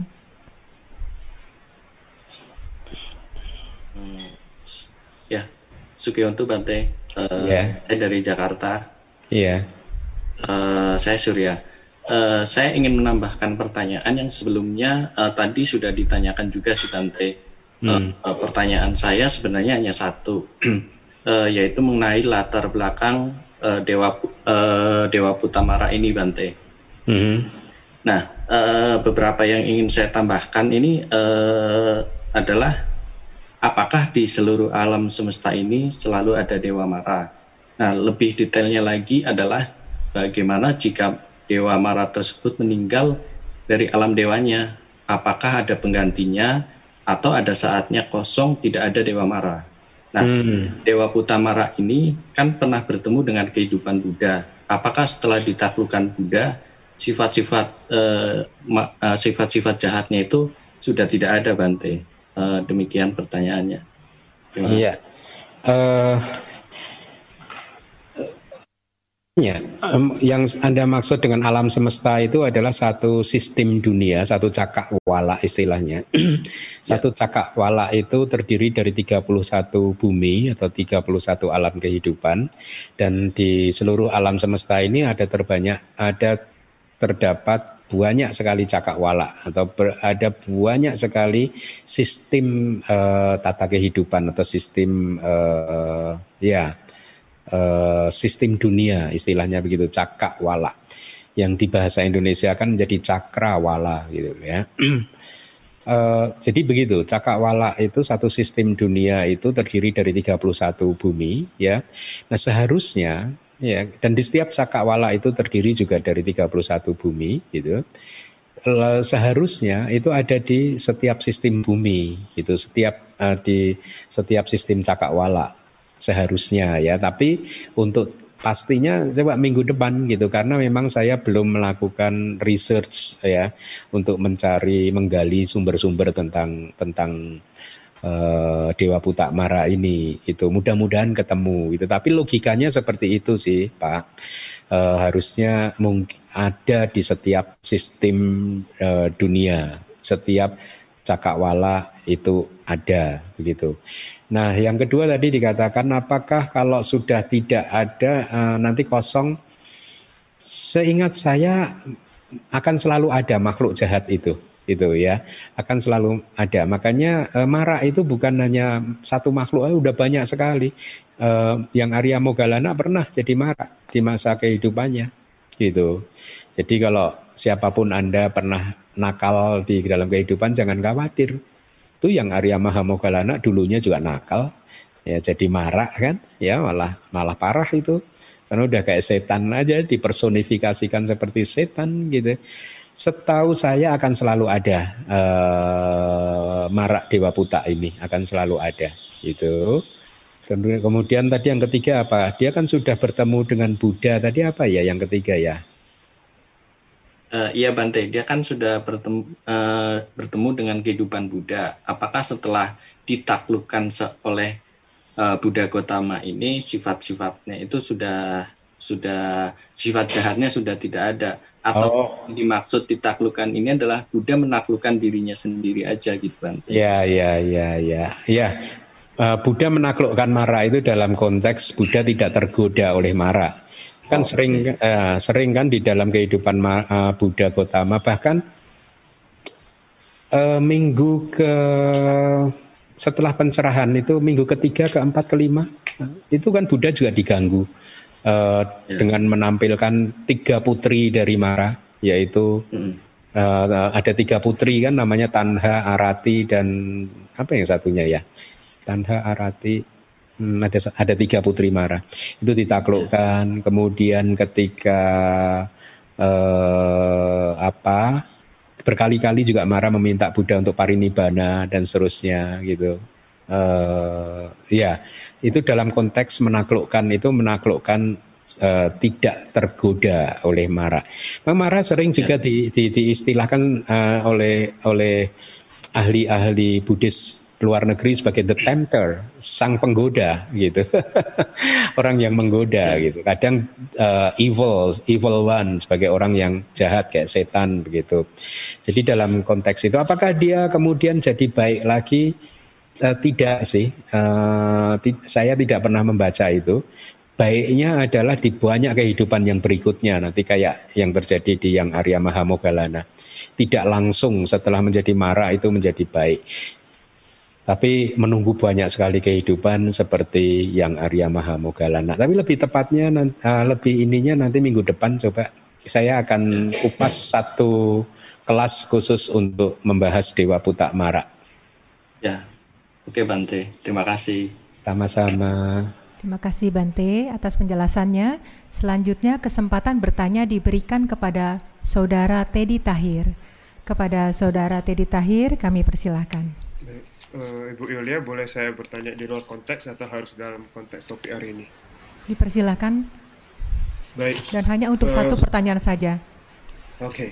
Bante, saya ingin bertanya di dalam buku Karma dan Pusaran ini, di halaman 288, Bante menuliskan kesulitan menentukan kapan terjadinya kelahiran kembali. Inilah yang kemudian memunculkan pendapat tentang adanya kehidupan antara antara bawah. Ya, eh, nah. jangan cepat-cepat, saya nggak paham.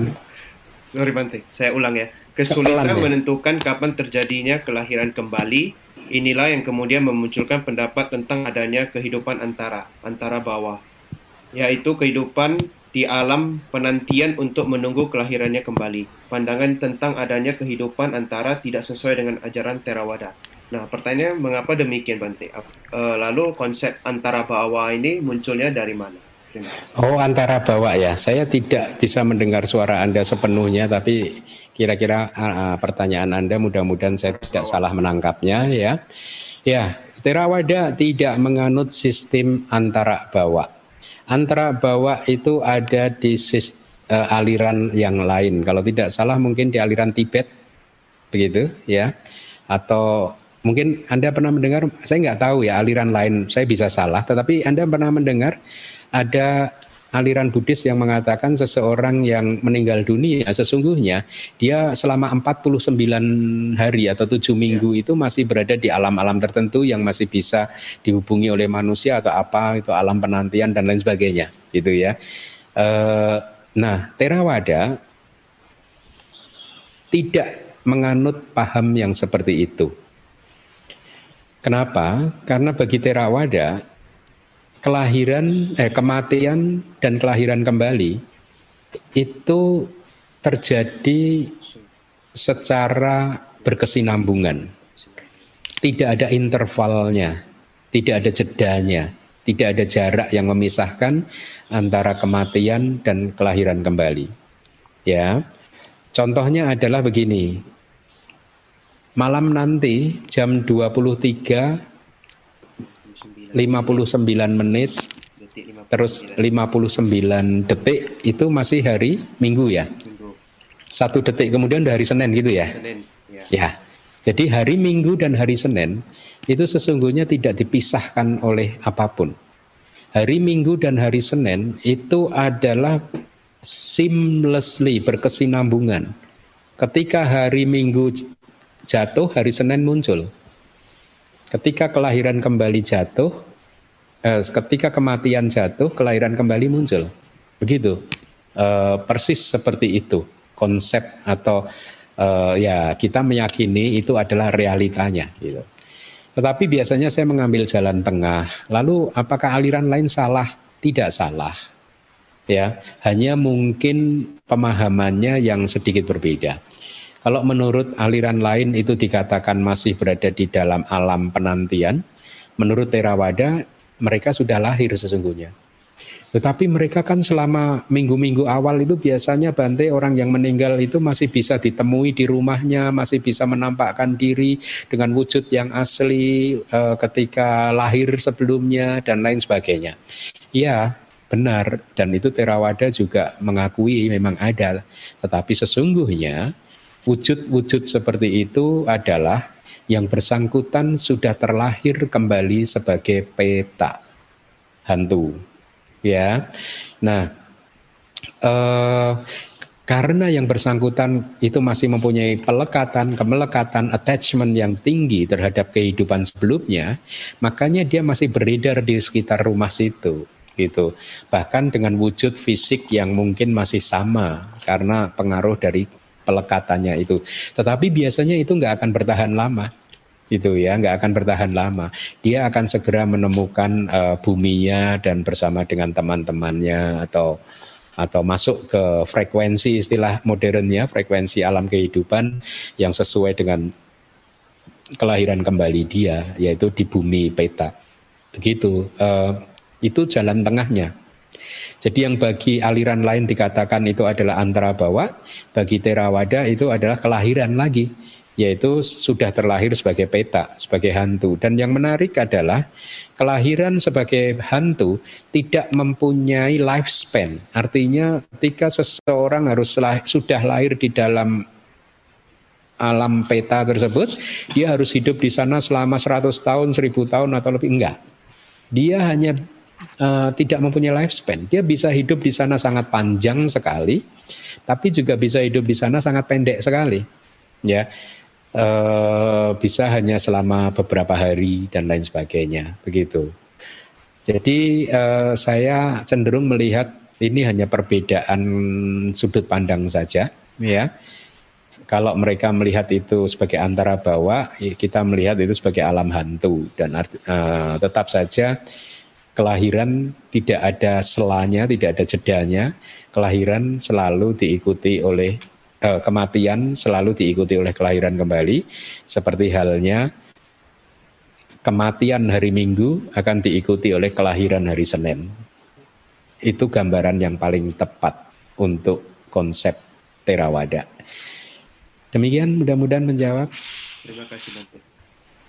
Terima kasih Bante atas penjelasannya. Selanjutnya kesempatan bertanya diberikan kepada Saudara Wira. Kepada Saudara Wira kami persilahkan.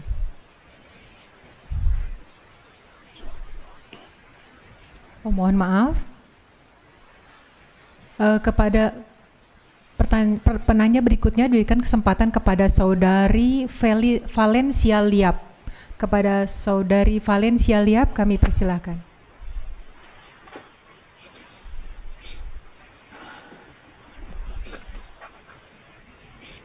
Kepada saudari Valencia, ya, kami belum mendengar suara Anda. Namo Budaya Bante. Iya. Uh, terima kasih kesempatannya. Saya mau bertanya, kalau misalnya kita uh, berusaha sudah uh, memunculkan keyakinan, tetapi wirya kita, memunculkan. tapi wirya memunculkan keyakinan, memunculkan keyakinan, Bante.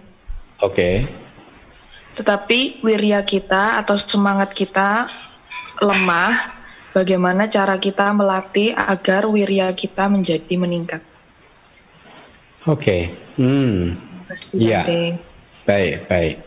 Jadi ini berkaitan dengan lima indria yang tadi sempat saya singgung di ceramah, ya. Jadi kita ini mempunyai lima indria spiritual, ya. Kalau mau anda catat, lima itu adalah sada, Kemudian yang kedua adalah wirya, yang ketiga adalah sati, perhatian penuh, yang keempat samadhi, konsentrasi, yang kelima adalah kebijaksanaan, ya panya. Jadi sada, wirya, sati, samadhi dan panya, ya. Kalau kita ingin memunculkan ini, salah satu dari ini, sebaiknya lima-limanya ini dimunculkan semua, begitu, ya yaitu sada wirya sati samadhi panya tadi ya. Kalau uh, te, uh, di kitab komentar dijelaskan begini. Dari lima indria spiritual itu tadi yang pertama dan yang kelima harus seimbang ya. Sada dan panya harus seimbang. Kemudian yang kedua dan yang nomor empat harus juga seimbang Wirya dan samadhi harus seimbang. Kalau sati itu sabatika, eh, sabatika, eh, bermanfaat di semua tempat. Itu semuanya bermanfaat. Sati itu kapan pun di mana pun itu bermanfaat. Itu dibutuhkan di mana pun. Ya artinya tidak ada ceritanya kekurangan sati. Ya dengan kata lain, sati itu harus terus menerus diterapkan, dikembangkan, dibuat berlimpah. Ya, semakin banyak sati, semakin bagus. Semakin kuat sati, semakin bagus. Nah, tadi terhadap keseimbangan antara indria spiritual yang nomor satu dan nomor lima, sada dan panya, ya, dia harus seimbang, gitu. Jadi sada Anda itu harus diseimbangkan dengan panya Anda. Karena kalau Anda hanya mempunyai keyakinan tetapi tidak mempunyai kebijaksanaan, maka yang terjadi itu adalah Anda akan mempercayai apa pun. Ya.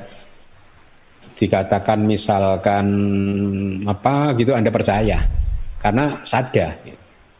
Ya, dalam konsep agama Buddha, perkembangan spiritual yang sehat tidak seperti itu sada, harus diseimbangkan dengan panya. Seimbang, tidak boleh salah satu lebih atau kurang dari yang lainnya, seimbang ya. Jadi efeknya begitu kalau sadanya terlalu kuat dan panyanya terlalu lemah, maka yang terjadi adalah seseorang akan mudah menjadi uh, pengikut buta, kepercayaan buta gitu, uh, percaya buta. Oh, uh, Buddha mengatakan untuk membela agama kita kita boleh membunuh orang-orang yang memusuhi kita, kita percaya karena sadar. Ya karena keyakinan gitu. Dan tidak diikuti dengan kebijaksanaan itu ya. Sada yang salah kan tentu saja kan. Nah sementara kebijaksanaan apabila dia berlebihan dan sadanya itu tidak mengimbanginya maka dia akan menjadi seorang bahasa palinya itu keratika. Keratika itu munafik. Munafik. Ya munafik ya.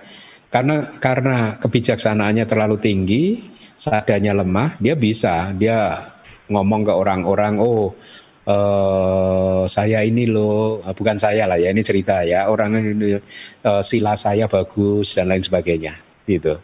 Bisa berbohong munafik.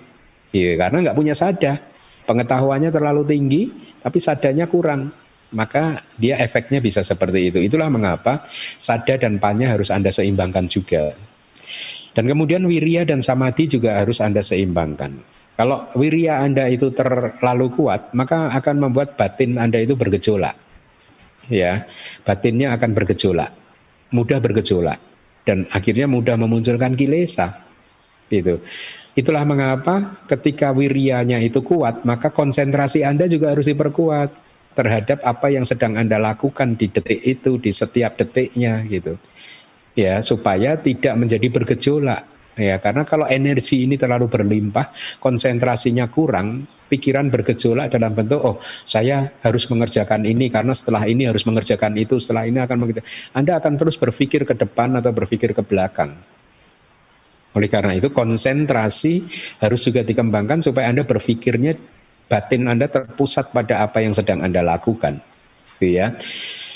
Nah, sebaliknya kalau konsentrasi itu terlalu tinggi dan wiryanya itu terlalu rendah, energi atau usahanya itu terlalu rendah, maka Anda akan mudah capek, mudah mengantuk. Ya, mudah malas, kemalasan muncul. Begitu. Ya, oleh karena itulah pada saat Anda merasakan kemalas, ngantuk, nah, wiryanya harus ditingkatkan begitu atau pada saat merasa batin Anda bergejolak maka konsentrasi Anda harus ditingkatkan jadi keseimbangan dari empat faktor itu diperlukan. Nah, yang terakhir yang paling tengah yaitu uh, indria yang tengah sati itu diperlukan di semuanya. Diperlukan ketika Anda mengembangkan sada, ketika Anda mengembangkan wirya, ketika Anda mengembangkan samadhi, ketika Anda mengembangkan panya, sati itu diperlukan. Setiap saat itu diperlukan tidak ada ceritanya satinya eksesif berlebihan. Nggak ada. Kelebihan sati ini saya nggak nggak. Lebih itu bagus lebih bagus lagi gitu ya. Jadi demikian gitu. Kalau anda masih merasa kok saya punya sada tapi kok wirianya kok kurang? Tingkatkan panya anda dan juga uh, samadhi anda dan sati anda. Itu ya. Jadi itu yang harus dikembangkan semuanya. Sada wirya sati samadhi dan panya Demikian. Terima kasih Bante atas penjelasannya. Selanjutnya kesempatan bertanya diberikan kepada Saudari Sintia Kwan. Kepada Saudari Sintia Kwan kami persilahkan.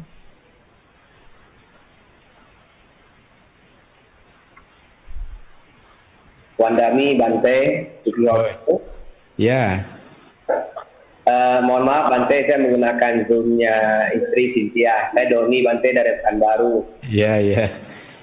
Bante, Tadi uh, jelaskan oleh Bante uh, salah satu mara yang pertama yaitu Dewa Putra Mara dan menjelaskan bahwa uh, yang mara yang yang mara yang pertama ini yang berupa ini ya uh, berupa eksistensi makhluk ya jadi kalau tadi Bante mengatakan bahwa kita bisa berlahir di alam surga berkat kita sila dan dana Bante Nah, jadi mungkin ini hanya curiosity Bante, namun juga uh, menjadi mungkin meningkatkan kita punya sadar terhadap ajaran Buddha. Mengapa uh, Dewa Buddha ini uh, terlahir di alam surga? Walaupun uh, sifatnya ini artinya jahat ya Bante ya. Apakah uh, beliau terlahir di alam surga kemudian menjadi marah atau memang uh, terlahir di sana sebagai seorang marah Bante. Bagaimana mohon penjelasannya Bante. Terima kasih. Bentar, uh, suara Pak Doni agak pecah. Yang terakhir ada dua apa tadi? Ini atau itu tadi apa? Oh, begini, Mana lahir di sana? Ya, apakah uh, beliau terlahir di alam surga itu sebagai seorang dewa, namun kemudian um, karena sifatnya yang kurang baik atau jahat itu kemudian menjadi seorang marah atau memang terlahir disebut eh, di surga tersebut bahkan surga yang paling tinggi sudah menjadi seorang marah gitu loh Bante. Iya. Terima kasih. Iya. Uh, ya, ya. Terima kasih atas pertanyaannya. Penanyanya ini Pak Doni dari Pekanbaru, Romo Doni. Beliau ini Ketua Sariputa Buddhist Studies Pekanbaru. Terima kasih. Iya, eh, tadi agak pecah-pecah Pak Doni, ya. Tapi mudah-mudahan saya juga menangkap apa yang anda sampaikan. Kalau eh, jawaban pastinya sekali lagi mungkin minggu depan, karena saya baru akan melakukan researchnya itu minggu depan gitu. Tetapi eh, menurut pemahaman saya begini, ya. Itulah mengapa dulu saya pernah mengatakan eh, lama sekali itu mengatakan hmm, janganlah berpikir bahwa Anda berbuat jahat di bumi ini meskipun membela agama Buddha dengan melakukan kejahatan dan Anda berpikir karena Anda membela agama Buddha maka Anda hari ini masuk surga dan ketika di surga Anda akan bahagia selama-lamanya. No. Yang terjadi adalah kalau Anda di sini itu adalah orang yang mempunyai kebiasaan yang buruk gitu ya. Kemudian banyak melakukan pelanggaran sila, banyak memunculkan kilesa dan karena ada karma baik yang berbuah akhirnya yang bersangkutan itu lahir di surga, tetap saja kebiasaan-kebiasaan yang kuat ini akan berlangsung di alam surga. Akan berlangsung gitu ya. Bahkan maka dulu pernah saya mengatakan sebagai umat Buddha jangan beraspirasi lah untuk lahir di alam surga. Karena alam surga itu tidak seindah seperti yang kita bayangkan. Itu.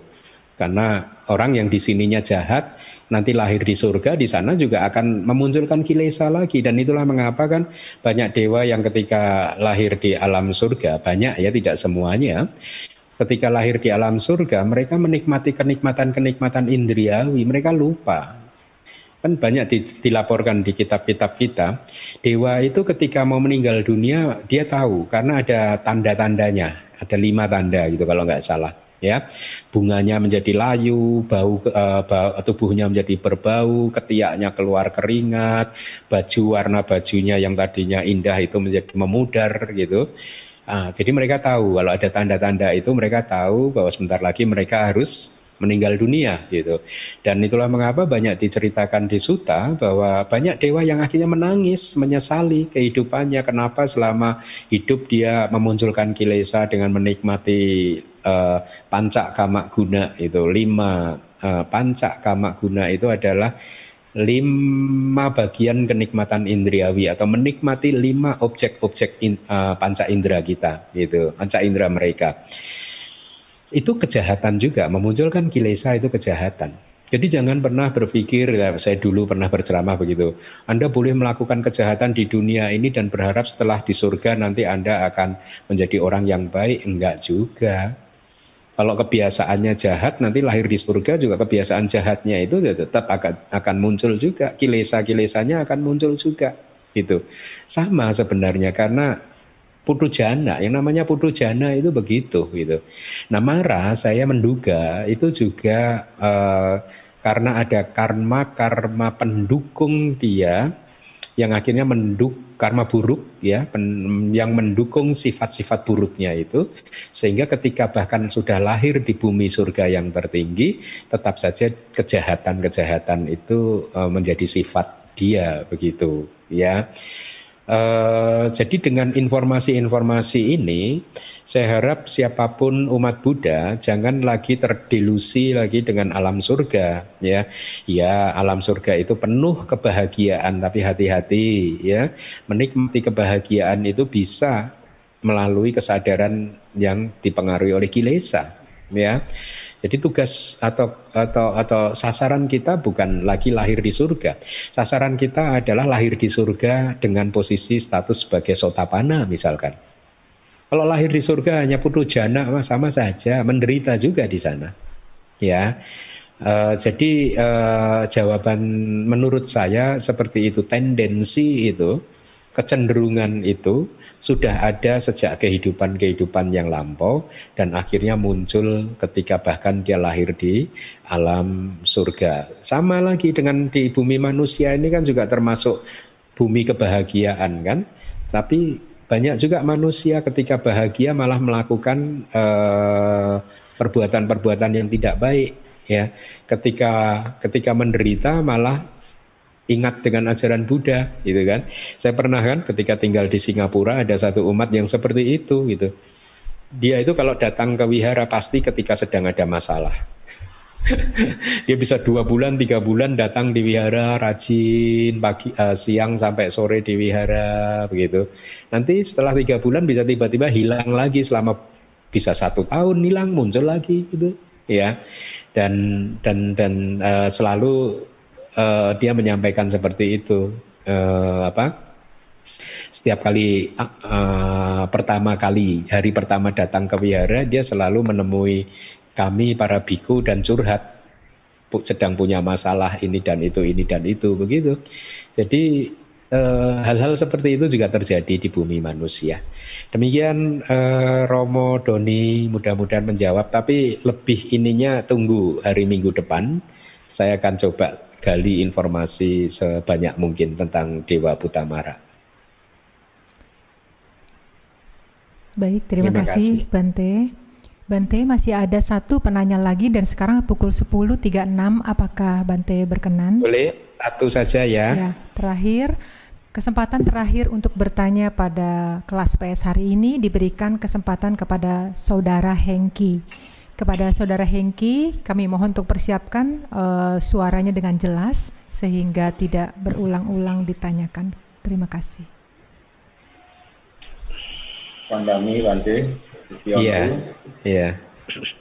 Ah, ini Bante, saya mau nanya terkait lima indria spiritual tadi. Hmm. Apakah uh, bawangga merupakan faktor salah satu penyebabnya kalau tidak seimbang di antara lima indera spiritual itu. Bawangga? Iya, meditasi bawangga. masuk dalam bawangga. Apakah lima faktor itu bisa salah satu penyebabnya? Oh, oh, maksud Anda ketika Anda bermeditasi kemudian rangkaian arus kesadaran Anda terpleset jatuh ke dalam bawangga, apakah itu disebabkan oleh lima indria tadi gitu ya? Iya, apakah okay. disebabkan iya. tidak sih?